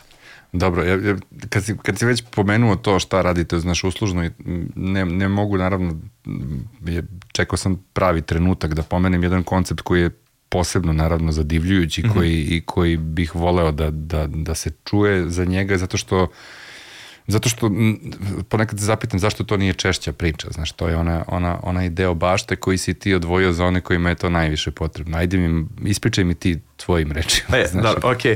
A, opet moram, moram istorijati jer život je čudo i jednostavno Da. tako spaja kockice. Ovaj, korona a, kreće a, ono, ludilo u gostiteljstvu, ostaju ljudi bez posla i tako dalje. S druge strane, ono imanje koje je kupljeno na početku, jedan hektar imanje je uvijek bio za nešto. Nisam znao, znači kad je bila ona vizija, bilo je, aha, to je za, za neku stvar, ne znam još, iskristalisat će se šta, šta će biti pada mi na pamet uh, ideja dok sam se šetao nešto sa, sa drugarom pored reke, ne znam, tako da inspiracija dođe, nešto smo pričali. Ovaj, on je rekao kao, kako je bilo dobro čovječe da ti imaš neke humanitarne akcije, da ti možeš svojim radom nešto zaista da učiniš, da ne bude samo daj novac, daj novac, nego znaš, pomoću svojih 10 ili 20 prsti ovaj, da, da učiniš nešto. I sine meni ideja, rekao, aj se napravi bašta, gde će se gaji povrće, organsko povrće, koje će da se donira nekome. E sad dolazi problem kome? Nemaš poverenja baš u e, sve adrese gde bi to mogao da uputiš, da li će to zaista da dođe do onima kojima je potrebno ili će negde da skrene kada ti predaš tu robu i e, u tom periodu e, pojavlja se Darko koji je radio tada u Hiltonu, čini mi se, rekao kao, e, nešto sam razmišljao mikrobilje, ovo je cijela ta priča, rekao, me zezaš, rekao, mi smo kupili bukvalno sve ono za mikrobilje, hoćemo time da se bavimo, ko, hoćeš, evo, aj zajedno to da, da radimo i mi smo to zajedno radili, pa postavljaš, pošto mikrobilje možda gajiš i u gradu. I ovaj, a, mi smo, kako kažem, možeš i u gradu, možeš i na selu, ali za mikrobilje smo shvatili da treba da to bude u, u gradu da bi odmah mogao da, da isporučiš.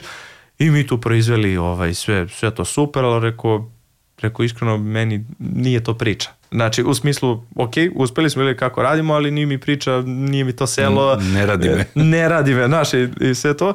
Ovaj, što je i on isto shvatio ovaj, da, da nije to ta šoljica čaja. I ovaj, krenuo nešto da priča ovaj, o Nurdoru, nacionalno udruženje roditelja dece bole od raka i kreće sve da priča najlepše o njima, kao šta su oni sve uradili, kaže, majke ranije kada se dete na primjer razboli, uh, dobili su tri meseca, da li 65% plate, pošto su na bolovanju ta tri meseca, 65% plate tokom, tokom lečenja. Nurdor, oni su uspeli da kažem, ovaj, dug, dugim, dugim radom i pritiskom da uh, sada roditelji, odnosno majke, imaju bolovanje koliko traje lečenje deteta i da imaju 100% plate. Jer to lečenje ne traje tri meseca, nego traje godinama. Ovaj, onda Nurdor je obezbedio, uh, ima roditeljske kuće gde neko ko nije iz centra lečenja, dolazi iz neke druge sredine, na primjer da se leči u Beogradu, ajde sada nađi kako da platiš stan, kako da platiš negde da ti bude tu za tebe, za dete, da bi, mislim, nemoguće je malte ne. Ovaj, oni daju besplatan taj smeštaj, pa vode, voze decu na lečenje, ušte cijela jedna briga kompletna, moram reći, ovaj, i on sve to priča i meni je sve vreme ideja ova što sam malo pri- pričao, kao rekao, kako ti to znaš? Kaže, pa ja se lečim kao od leukemije sa, sa 11 godina. I ja rekao, hoćeš da pokrenemo baštu, ovaj, gde ćemo da gajimo organsko povrće i voće, da ide sve za Nurdor. Kaže, hoću. On nas poveže sa, sa Nurdorom, ovaj, on je kao, kao, kako, kako, da, kako da ne prihvate, ovaj, kao, treba mi da gajimo? Kao rekao, ne, mi ćemo da preuzmemo celu, celu tu brigu sve. Rekao, samo nam je bitno da ta hrana ide negde gde, gde treba. I ne znam, to, to je takva jedna posebna energija. Mm, Sad se, ne, obožavam to, obožavam ceo taj, ceo taj, kako se zove, a, poduhvat projekat kada, kada pitaš, kada odeš, odneseš tu hranu, ovaj, a, sjećam se, sreli, sreli smo jednu ženu koja je rekla kao, bože, nama je Nurdor, da nije Nurdora ne bismo mogli otprilike dete da izlečimo. To kad čuješ, kaže, ko ste sada vi otprilike, rekao, kao donesemo hranu i sve to, i tebi ne bude dobro. Prvo, mislim, ne bude ti dobro pozitivno kao što, što imaš mogućnost da, da utičeš na nečiji kvalitet lečenja, a to je toliko jedna a, lagana stvar ako voliš to da radiš. I onda smo napravili ovaj, kao ne možeš sam, jedan hektar nije malo, drugo, treba tu puno pomoći, sredstava, znaš, da bi pokrenuo cijelu jednu priču koja je neprofitna i onda smo kao, ok, ajde da napravimo od ovoga priču da bude samo održivo, jer ako nešto nije samo održivo, džabe.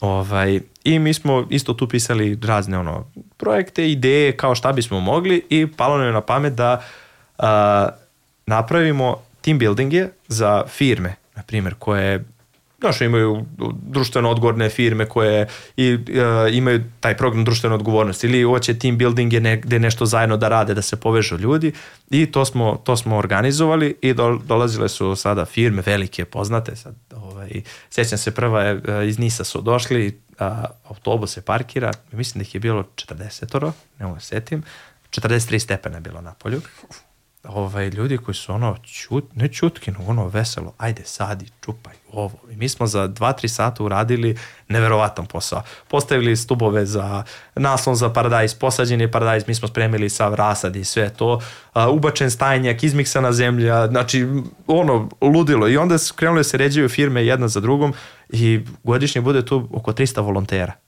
Znači 300 volontera ti dođe u jedno malo selo, na jednu malu njivu koje hoće da, da pomognu.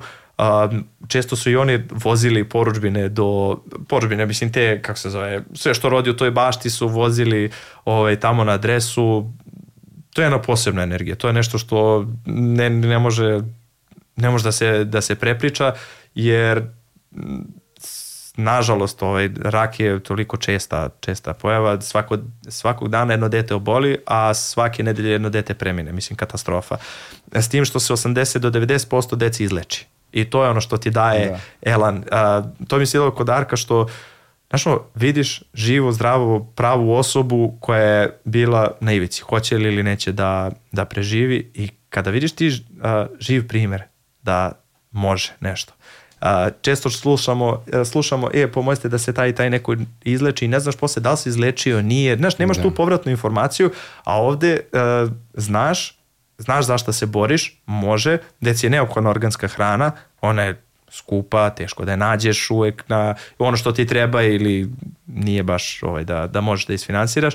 I nekako je bio svrsishodan ovaj, ceo taj projekat i dalje i to traje, nije samo projekat nego jednostavno to sada traje, tu je i i kao što se organela razvijala, tako se i bašta razvija, sad tamo ima i staklenik i ovaj staklenik i solarne ploče i napravili smo mesto gde deca sada dolaze na edukaciju, tipa kad učiš nešto iz biologije, prirode i društva, svijet oko nas, ovaj, zavisi koja je nastana jedinica, učiš na samom imanju.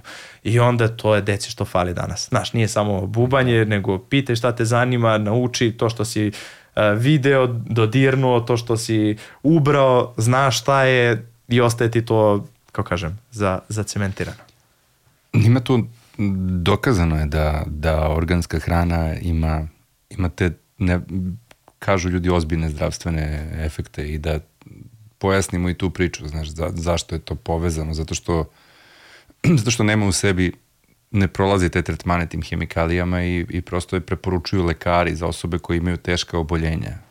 Da. I onda postane jasna ona priča kao u čemu je razlika između konvencionalne hrane koje kako treba, kažu, i, o, i ove. Mislim, ok, ne treba sad ići pričati priču da sva konvencionalna hrana nije dobra, Absolutno, naravno, naravno, naravno, ali ako je proizvedena naravno kako treba, ali, ali organska hrana ima tu taj dodatni kvalitet što zaista ljudi koji imaju problema sa bilo kojim toksinom koji bi dospeo u njihov organizam, oni su tu na neki način zaštićeni. Upravo, upravo je to stvar. Tako je, što posebno deci koja su na hemiterapijama i sve, da, da. ne treba im još, ne treba im još ovaj, uh, stranih agensa iz, iz hrane, nego im treba nešto čisto, čisto i zdravo.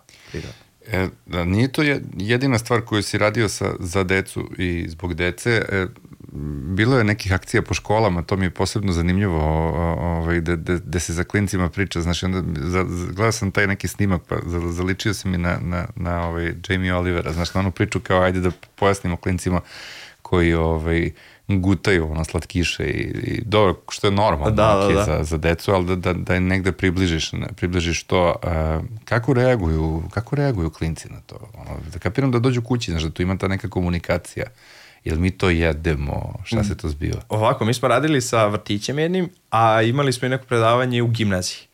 Ovaj, I sad interesantno je, uh, ja sam pao na nos u vrtiću, gde uh, doneo sam biljke, pazi, ne plod, nego biljku kao da prepoznaju i sada uvek ima neko u grupi ko zna, ko je imao kontakt, kaže, ja, pa to je paradajz, ovaj, a šta je bilo, ma, da, kao prepoznali su da je, da je paradajz i onda kao to se gaji u plasteniku, to je ovako, to može napoj, to ispriča dete, znači ono sve i svašta. Sad, mnogi nisu, mnogi nisu znali ove razne stvari, pa smo onda zajedno učili tamo kako se sadi, pa smo imali baštu, pa su bukvalno napravljena taj dan bašta, to je bilo jedno prefantastično iskustvo i stvarno treba raditi sa decom od od malih nogu, kažem malih nogu, stvarno od vrtića, mislim da je to pravi stepen kada treba razvijati ovaj, širinu, svest uošte o, o svemu tome. Ovaj, a, onda sam otišao u 14. gimnaziju i pa ja sam završio istu gimnaziju. Isto razlika kad sam ja 2010. godine završio, a sad je 23. Ovaj, sad vidiš ljude na potpuno drugi način, to je potpuno druga, mislim druga deca, nova generacija, ali oni su toliko pametni, znači to da, sa nekim zaključcima i tako dalje, mislim da imaju više informacija, ovaj, odsutniji su, odsutniji, ali kako kažem, zamisli pun, puno, puno deljenje, Uh, nijednog trenutka ja se plašio kao sad će bude ja vidi ove šta je došao nama da priča pa zadirkivanje, gurkanje i to. Znači nijednog trenutka nismo rekli kao jel može malo tiše. Ne, oni su slušali netremice, čak nisu, znaš, on nije bilo telefona. Mm. Ovaj, potpuno mi se promenila slika o kao tim generacijama koje je to bio reprezentativni uzorak. Ovaj, vidiš da su vrlo pametni, željni da čuju, ali nekako a, plaše da pitaju. A, nema ono kao a, neko jedinstvo, kao odeljenje, znaš, mi smo svi zajedno, nego sve nekako nego male grupe, kao vidiš gomilu pojedinaca koji, ovaj, kojima treba prići. I treba neki, na, a, treba i psiholog bukvalno sad nama da kaže, da kažem starijim generacijama kako prići mladima, na koji način im predstaviti to neko znanje, a, predstaviti tu vezu sa uh, sa, sa prirodom, može, daleko od toga da ne može da su to izgubljene generacije i tako dalje, nego samo treba naći način, kao što je između svake generacije uvijek bio jaz i u komunikaciji i u odnosu, ovaj, znaš kako nešto nekome da, da. da ispričaš, ovaj, mislim da tu ima mnogo potencijala i mislim da oni mnogo brže mogu da i preokrenu mnoge stvari, kao što se i sada dešava, jer nam mnogo mladih dolazi na, na imanje i da, imali smo studente sa, sa poljoprivrednog iz Novog Sada, to smo tek pali na nos, znači ko, ko dobra generacija, kvalitetni, kvalitetna deca, znaš, koje hoće da, da rade i da uče, tako da kad kažeš da, kakve su reakcije, vrlo sam, vrlo sam, imam pozitivno, pozitivno mišljenje, ako se radi sa njima kako treba.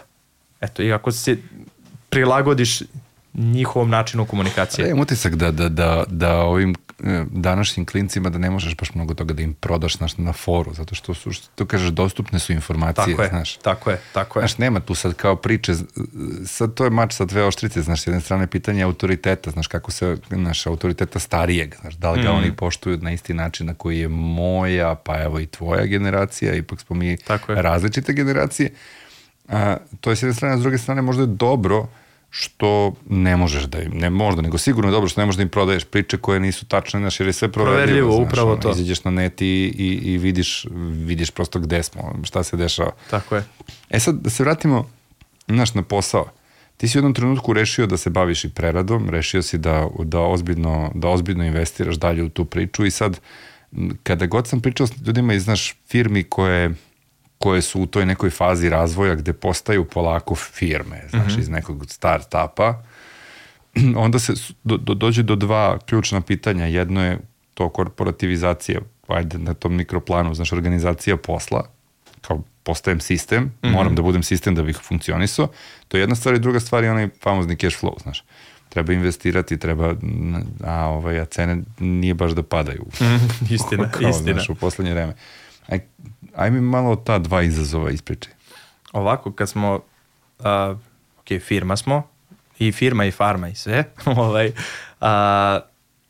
na primjer, ostali smo potpuno dosledni onome što smo bili na početku. Kako smo radili na početku, evo danas sam radio dostave kao što sam radio i pre koliko, koliko godina, zato što volim, volim taj kontakt sa, sa ljudima i baš je danas bila priča kao što vi ne radite kao samo sa firmama? I bilo je ponude ono, neke firme da snadbevaš uh, velikom količinom hrane i da zatvoriš u suštini, znaš da ne moraš da radiš više te dostave, ali meni te dostave, mislim meni, nama upravo taj ključ. Jer ti kada a, dostavljaš, ti postaješ bukvalno ono kućni prijatelj, ti postaješ, postaješ snadbevač, a, s takvim ljudima možeš da komuniciraš i razvijaš dalju svest. A, s takvim ljudima možda organizuješ veće stvari, ovaj, kao što planiramo da, planiramo, dolaze nam na imanje, ovaj, ti ljudi sami beru plodove, ovaj, odlaze kući, dođu na vikend. Kako kažem, drugi je potpuno koncept kada ti uđeš u neku organsku radnju, ne organsku radnju, bilo koji ono lanac, ti dosta gubiš tu identitet. Kada si u stalnom kontaktu sa, sa ljudima, ti tu gradiš brend. Bar tako, bar tako mi vidimo, znaš, pošto ne znači da je to ispravan, ispravan način, ali to je, to je neki put koji, koji volimo. Da li je uh, pravi, da li može više da se zaradi na drugi način, sigurno da može. Ovaj, a, a što ne ideš onda na drugi način? Znaš, to je sad kao logično pitanje. Uh, toliko volim ovo što radim i to je to. Znači, isplativo je, znači može da se, može da se živi, ovaj, može tu ima još hiljadu načina da se unapredi sve to što radimo i da se optimizuje. Uh, malo, je, malo je firmi koje, firmi, farmi koje rade ovo što, što mi radimo i mislim da manjka toga dosta. Jer ako i mi odustanemo od tog načina, da kažem i dostave i komunikacije sa ljudima, opet se vraćamo kao aha, onda će oni otići u prodavnicu, kupiti možda nešto iz uvoza, možda nije, nekako ima se da je e, veći pozitivan uticaj na ljude kada radiš na ovaj način. Ovaj, neki lično, lično mišljenje. Pa dobro, da, sad kada, kada ono, čitaš neke analize to kao tržišta, pogotovo organske hrane koja, koja je specifična niša i mm, činjenica je da je dosta mala niša bez, kod nas, iako ima mnogo to, mnogo tih što je dižu ruku i kažu mi smo organski, a da, da. znamo da moraju da imaju, mislim ne znamo svi, ali ajde da, da ispričam, da moraš prosto da imaš sertifikat i da pošto moraš da imaš onaj znak za organsku tako proizvodnju, je, tako je koji ljudi moraju da vide na, na proizvodu da bi, da bi to bio organski proizvod tako ili je. ćeš na kraju krajeva kad dovoziš robu u infuziji pokazati, jel tako? Tako je, da. Papir ako te neko pita. Ima toga, ne, nema toga mnogo, znaš, i, i, i to se to se sad razvija, ali jedna, jedna od, od, od osnovnih priča u priči o tržištu je da na kraju krajeva ti više zarađuješ ako direkt, se baviš direktnom prodajom. Tako je. Nego, nego ako ideš preko, preko marketa. Apsolutno. Mislim, najbolj... Ako si mali, pogotovo. E, upravo to za male, to kao kažem, o, obavezni način kako da, da ideš jeste da napraviš direktan most između kupca i proizvođača, odnosno nas, ovaj, jer ti tu možeš i da ponudiš i bolje cene jer ti nemaš marže preprodavaca. Naravno imaš neke druge troškove, dostave, transporta, logistike i tako dalje. Ovaj, ali mnogo je uh, Pa evo, za jagode o kojima smo pričali. Naša jagoda kad uđe u prodavnicu, ona ima mnogo, mnogo višu cenu nego kao kada neko kupi direktno od nas. I onda to je jedna stvar. Druga stvar, ujutru ubereš, popodne doneseš na adresu. Gde to imaš? Mislim, to je, to je takav jedan, uh, mora reći, luksuz jer ako si u gradu, neko ti donese nešto sa sela, mislim, sad, sad, nažal, preispitujem u suštini koliko je, koliko je to... A dobro, ali to, viš, to, je, to je prava reč, luksuz, znaš, mi ti u, u Beogradu koji je centar kupovne moći u Srbiji, tu je možda negde iza njega Novi Sad, kažu da i Niš uh, je vrlo zanimljiv. Moram spomenuti Obrenovac. Da imamo tako? jako veliki broj poručbene iz Obrenovca, iz Valjeva, čak i sa sela oko Valjeva. Eto vidiš, ali znaš, do, došlo je do, do toga da, da ta potreba je nešto što je, što je naročito pominjali smo koronu kao, kao, kao neki ono prelomni moment. Ali luksuz je zato što sve više zdravo postaje luksuz, je li tako? Ono što tako je, je, ono što je, i ljudi su spremni, imam utisak, ispravim ako grešim, spremni su mnogo novca da daju. Jeste, ali kad kažemo i luksuz, meni je luksuz i to što danas ti je sve neko automatizovano, da, mislim automatizovano u smislu sve manje tog nekog ličnog kontakta. Depersonalizovano. Tako je i sa druge strane uh, ti ono danas ne možeš da nađeš majstora koji će odmah da ti popravi ne, ono, da li mašinu, da li ovo, da li ono. Čuju odmah, ne možeš za mesec dana. Ne možeš za mesec dana, bukvalno. I onda sad ti kad znaš da ti možeš da poručiš nešto, da ti neko donese to, da neko ubro za tebe. Znaš, i, to je, i to je jedan vid luksuza. Uh, druga Druga stvar, uh, što kažeš, sam, sam kvalitet jeste luksuz, jer uh, da se razumemo, organskim proizvođačima ide u korist to što je katastrofa ovo konvencionalno ovaj, povrće. Na primjer, paradajz koji možeš svuda da kupiš više nije paradajz. I ti kad se pojaviš sa pravim paradajzom, ogromna je razlika. Ti ne moraš ni da znaš da je ovo organsko, ono, osjetiš bukvalno na ukus da je, da je to to.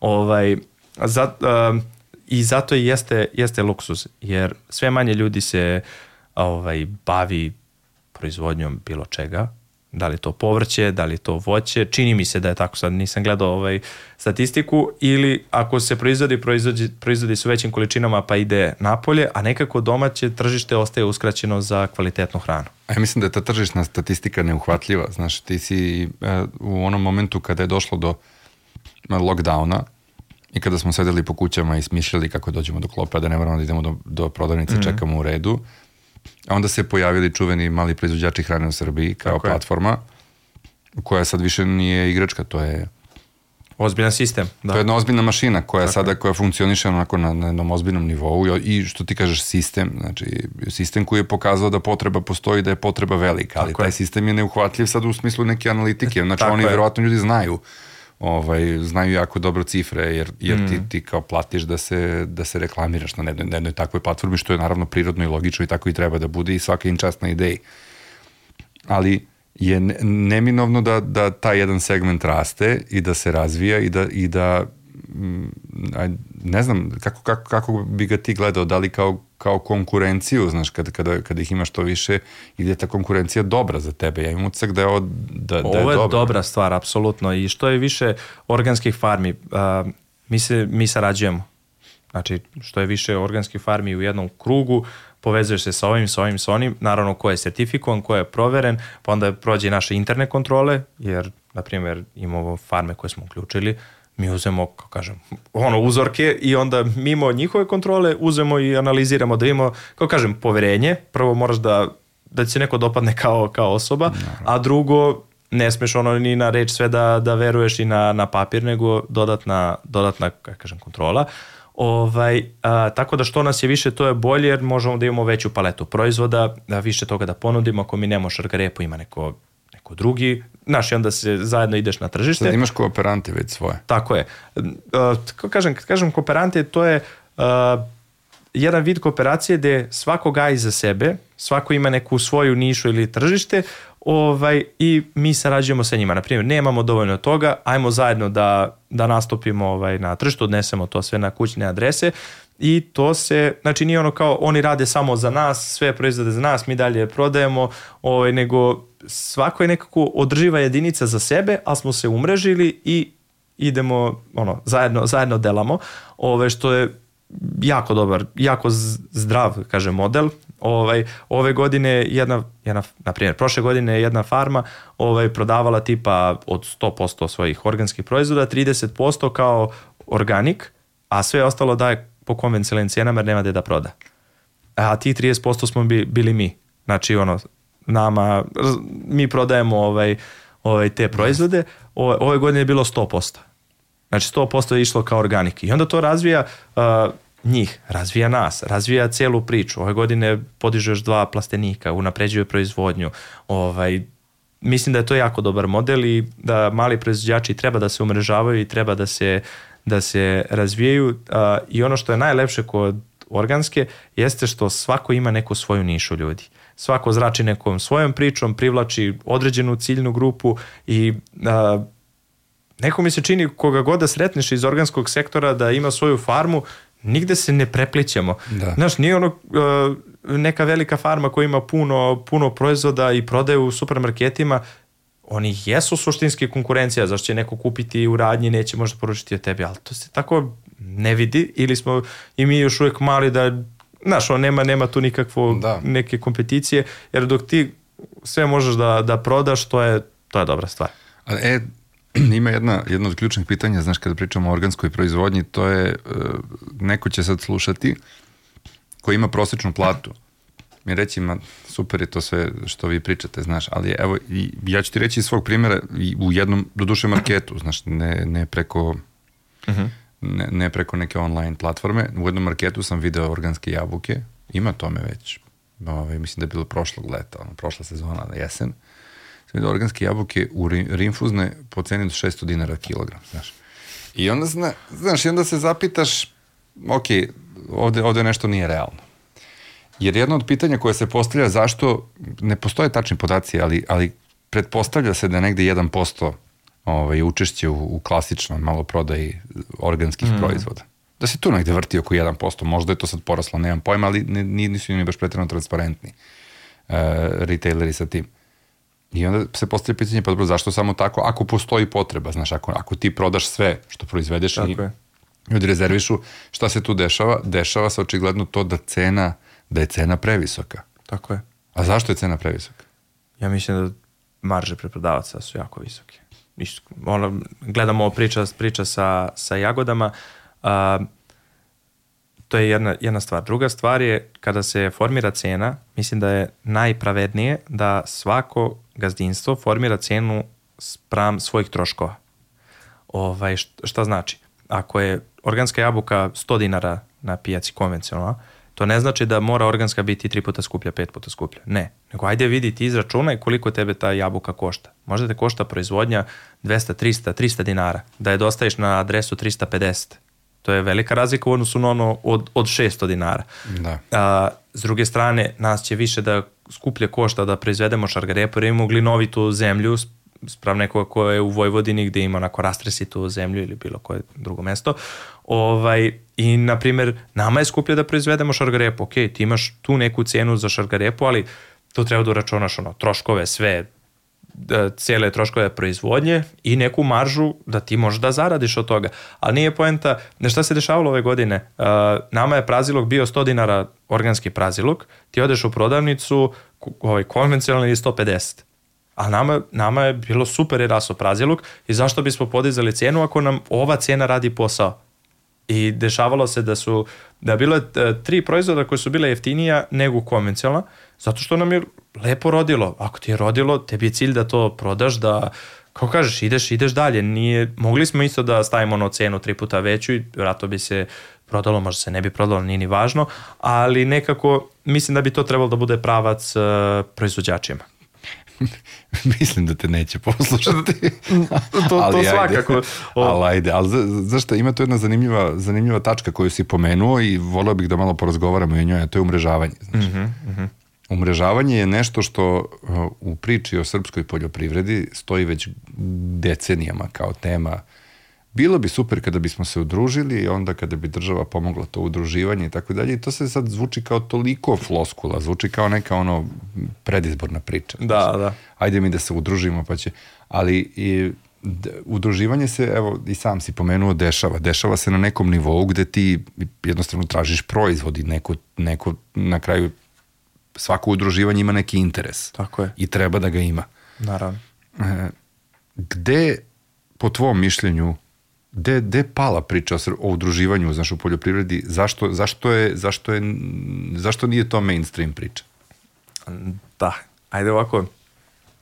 Jako je teško da pričamo o našem umrežavanju ovaj, između organaca, zato što u organskoj proizvodnji, tako je nekako kažem, da, drugi su motivi, drugačiji je oblik proizvodnje, drugačije su to količine ovaj, i a, možda je i svest šira oko raznih, raznih stvari i neko je lakše možda dogovoriti se. Ovaj, dok zamišljam kako treba da se umreže ogromni proizvođači koji imaju velike, velike količine, da li verovatno treba da se zna neka hijerarhija šta kako funkcioniše, gde ide. Što se tiče zadruga, nikad nisam bio neki e, deo zadruge pa da kažem, e imam iskustva, nemam. Da li država daje, ove, sredstvo daje za, za zadruge, da li da li je to dobar način udruživanja, mislim da jeste, ovaj, ali opet zavisi sve od osobe do osobe. Uh, kao, što, je- kao što smo mi prihvaćeni dobro u našem kraju, možda bismo super funkcionisali na taj način u samom kraju kada su napravili neku zadrugu, možda drugom ne bismo, tako da ljudi su sve. Mislim, jedna firma su ljudi. Nije firma samo, znaš, neka zgrada ili bilo šta, nego ljudi čine, čine sve. Ako imaš normalne ljude, lako ih je ovaj, kako sastaviti, ali je bitno to što kaže da, da postoji interes, da svako ima tu interes i da se zna dogovor ovaj, šta, ko, kako, koliko, ko će, koliko da radi, ko, ko će da, da zaradi, ali mislim da, da je udruživanje izuzetno važna stvar. E sad, možda postoje različite modeli udruživanja i možda treba o njima razmisliti kao nekom pravom načinu za, za dalji razvoj. Kao što sam rekao, jesu oni što se tiče naše priče, imamo kooperante, ali nisu oni kooperanti koji zavise, zavise samo od nas. Mi smo njima mogućnost i oni su nama mogućnost. Oni imaju svoje, nezavisni su, mogu da se razvijaju. Ako vide da njima ide super preko nas, pa njima će biti u cilju da, da ide saradnja. Ako oni vide, na primer, da su samo, da, kako kažem, da samo zavise od nas, ono je bilo kao, e, pa da li ja mogu još nešto ovo onako i onda te tu ovaj, pokoleba. Ovaj, eto, mi smo našli taj način udruživanja koji za sad stvarno dobro, dobro funkcioniše. Ili sad, po, posle ovoliko vremena, nije mnogo, kada pogledaš neki, neki vremenski kontinuum, nije to strašno, ali kad čujem šta si sam radio, zvuči kao da, su, kao da je prošlo 50 godina od kad si počeo da radiš. Jel sad imaš viziju? Jel sad, sad već možeš da vidiš gde ćeš biti za pet godina? To je ono čuveno pitanje, znaš, za firmu. Da, gde da, će da. vaša firma biti za pet godina? Ja sam imao, pre nego što je kupljeno i manje, pre nego što je bilo sve, ja sam nacrtao sebi kako organela izgleda. Ove, ovaj, imao sam tada viziju, uh, kažem, tada je bila vizija što se tiče prodaje jagoda, ono, vizija je postojala, ali ne kao definisani koraci koji ćete voditi, na primjer, za prodaju i tako dalje, ali znam, znam u kom smeru bih voleo da se sve to ovaj, razvija. Uh, tako da, da, da, imam, imam, imam neku, neku ovaj... Dobro, ne, znam, shvatio sam, nećeš je otkriti u detalje, ali... A, ne, ne volim da, da otkrijem zašto je, onako, ba, baš je nekako postepena priča. Postepena priča, dobro, jedan, jedan deo sam prepoznao, i to isto priča o kojoj se, o, o kojoj se puno, puno se troši ta priča kada se govori o razvoju kompanija iz poljo, oblasti poljoprivrede, da, da se vratimo na, na, na floskule, mm -hmm, znaš, ima mm -hmm. ona, jedna, jedna od floskula je mi izvozimo i prodajemo sveže voće i povrće i sirovine, mi bi trebalo da budemo prerađivači. Mm -hmm. Što je isto kada onda razgovara sa tim ljudima, onda ti mnogi objasne zašto nisu prerađivači i da je proizvod koji oni prodaju zapravo skoro pa prerađen, tipa smrznutog voća, gde smo mi i neki jedni od lidera u, u svetu. Tako je. E, a ti si se upustio i u, i u priču prerade, jel to bolja matematika realno? Najbolja matematika je prodati svež proizvod.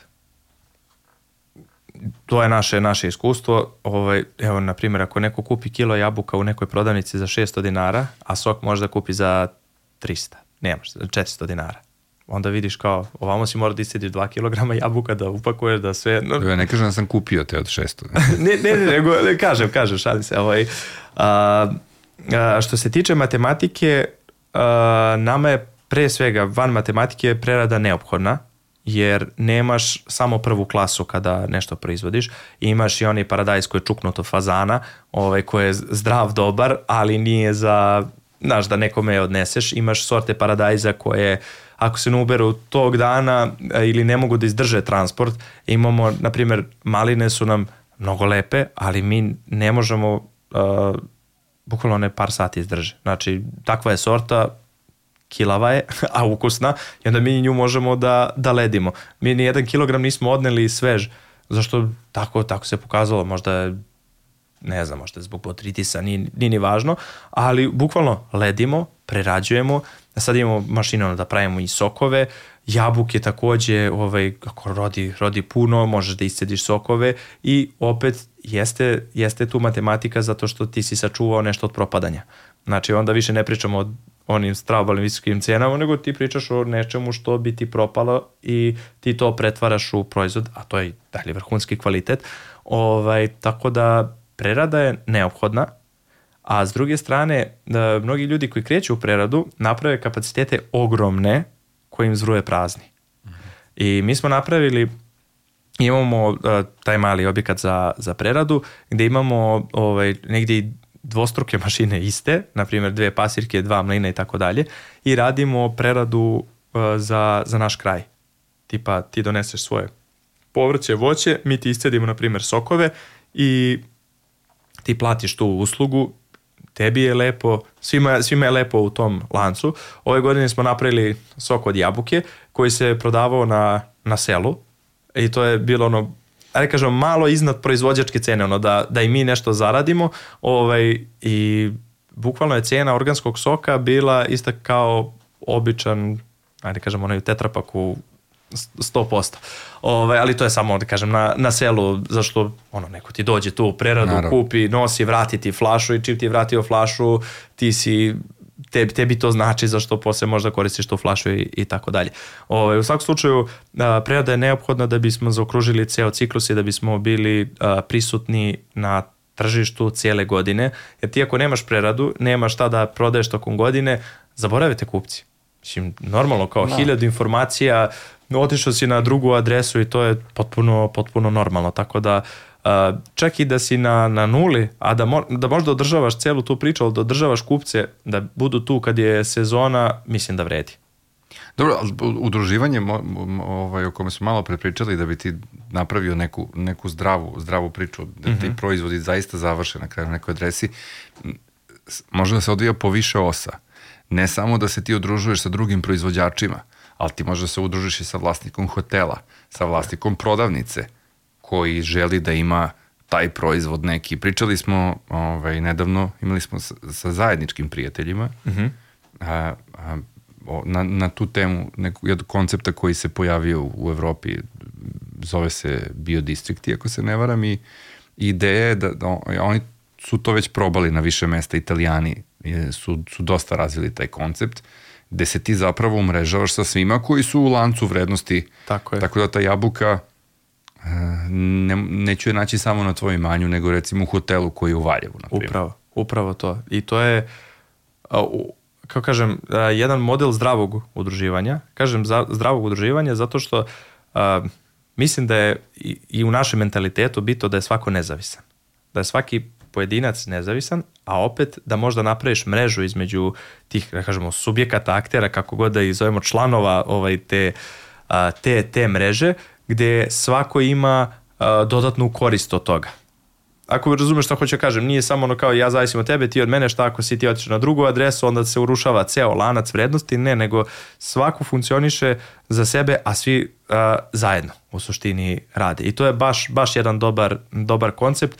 I u suštini ovo što, što mi već radimo, to i jeste neka, kako kažem, jedan, jedan vid tog uh, umrežavanja povezali smo se sa lokalnom radnjom u, u Mionici gde se prodaju isto organski proizvodi koji se prodaju po nižim cenama zato što su ti uh, niži troškovi ovaj, svega. Ako ti doneseš u rinfuzu odmah u tu radnju koja ti je is, ispred nosa ili isto kao što ako prodaješ sok u kafani ili u prodavnici koja je u tom selu gde ljudi koji su sa sela mogu da kupe taj proizvod, mislim da je to baš jedan, jedan lep ovaj, način model kako se razvija. Ako turista koji dođe iz, iz bilo kog mesta dođe u neki kraj i možda prod, a, ima probrane, odabrane, kvalitetne proizvode na, na jednom mestu, ovaj, mislim da je to jako dobra, dobra saradnja i da treba da se otvaraju nova polja i saradnje i mogućnosti, naravno u svakoj zemlji to drugačije funkcioniše, negde jedan model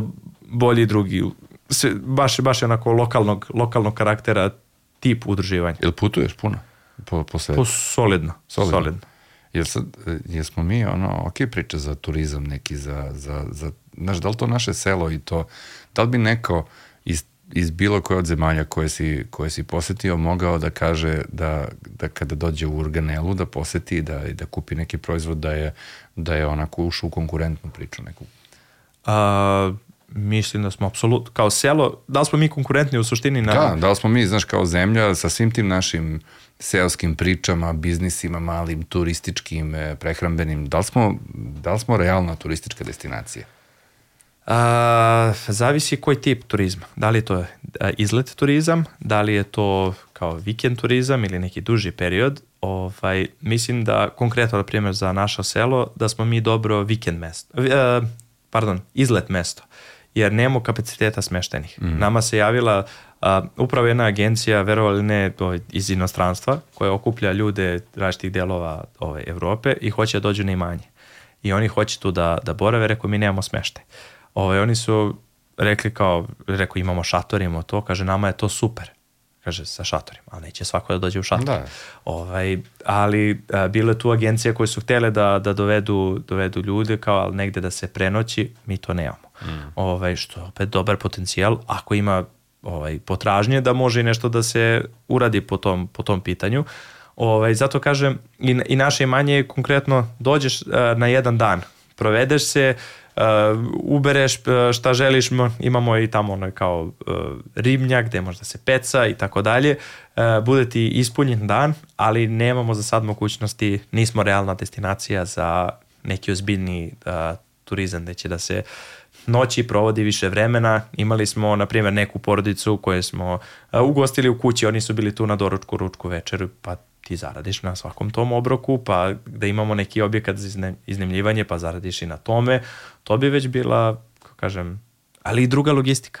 Jer opet i za takav vid turizma ti treba i kadar i ljudi koji pričaju jezik i onda treba ti čitava organizacija, tako da je uh, razvija se, razvija se definitivno, ali možda treba prilagoditi vrstu turizma uslovima koji su tu.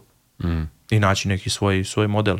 Ne mora ništa da bude ono kao, e, oni ovako, ajde i mi tako, da se, da se takmičimo sa nekim organskim farmama, bio, bio sam u Italiji organskoj farma, ono ljudi dvorac, bukvalno šta, šta oni imaju tamo kao smeštajni kapacitet, pa razne male ove, kuće koje su prelepe, mislim, to je jednostavno oni, oni imaju te uslove, to je neka prastara kuća, nisu oni napravili to novo, nego nasledstvo, ali ok, mi imamo ovo, daj da prilagodimo i svaki kraj Srbije i svako selo treba da, da se usmeri sprem svog ovaj, kapaciteta. Ja ne znam, da smo nešto propustili. Šta misliš? Ja ne znam, meni se tako šetaju misli sa... I meni. no, tako da... Ali bilo je, bilo je mnogo inspirativno i, i mislim da energija koju, si, koju umeš da pošalješ ljudima je neverovatna i siguran sam da će se vratiti na najbolji mogući način i ja ti to želim da se desi što pre. Hvala puno, ali ti znaš da postojiš odlična pitanja, a zato što osjećaš tu priču i to je, da. to je toliko jedno bogatstvo ovaj, moram da kažem ovako novinarstva, ovaj, koja često i iščezne. Znaš, danas ono neko kaže, aha, vi ste originalno nešto, ono, koliko imate hektar, kolika proizvodnja, koliko, a ove priče sa što smo pričali, to je nešto neispričano. Ovaj, Dobro, je dobar format, znaš, za dob, to. Mnogo dobar format. Znaš. Baš, baš, tako da... I sad smo s ovom pričom Vojvodo Serdare, ono, na pravi, pravi način završili. hvala, hvala puno na, na gostoprimstvu. Hvala tebi, to je to.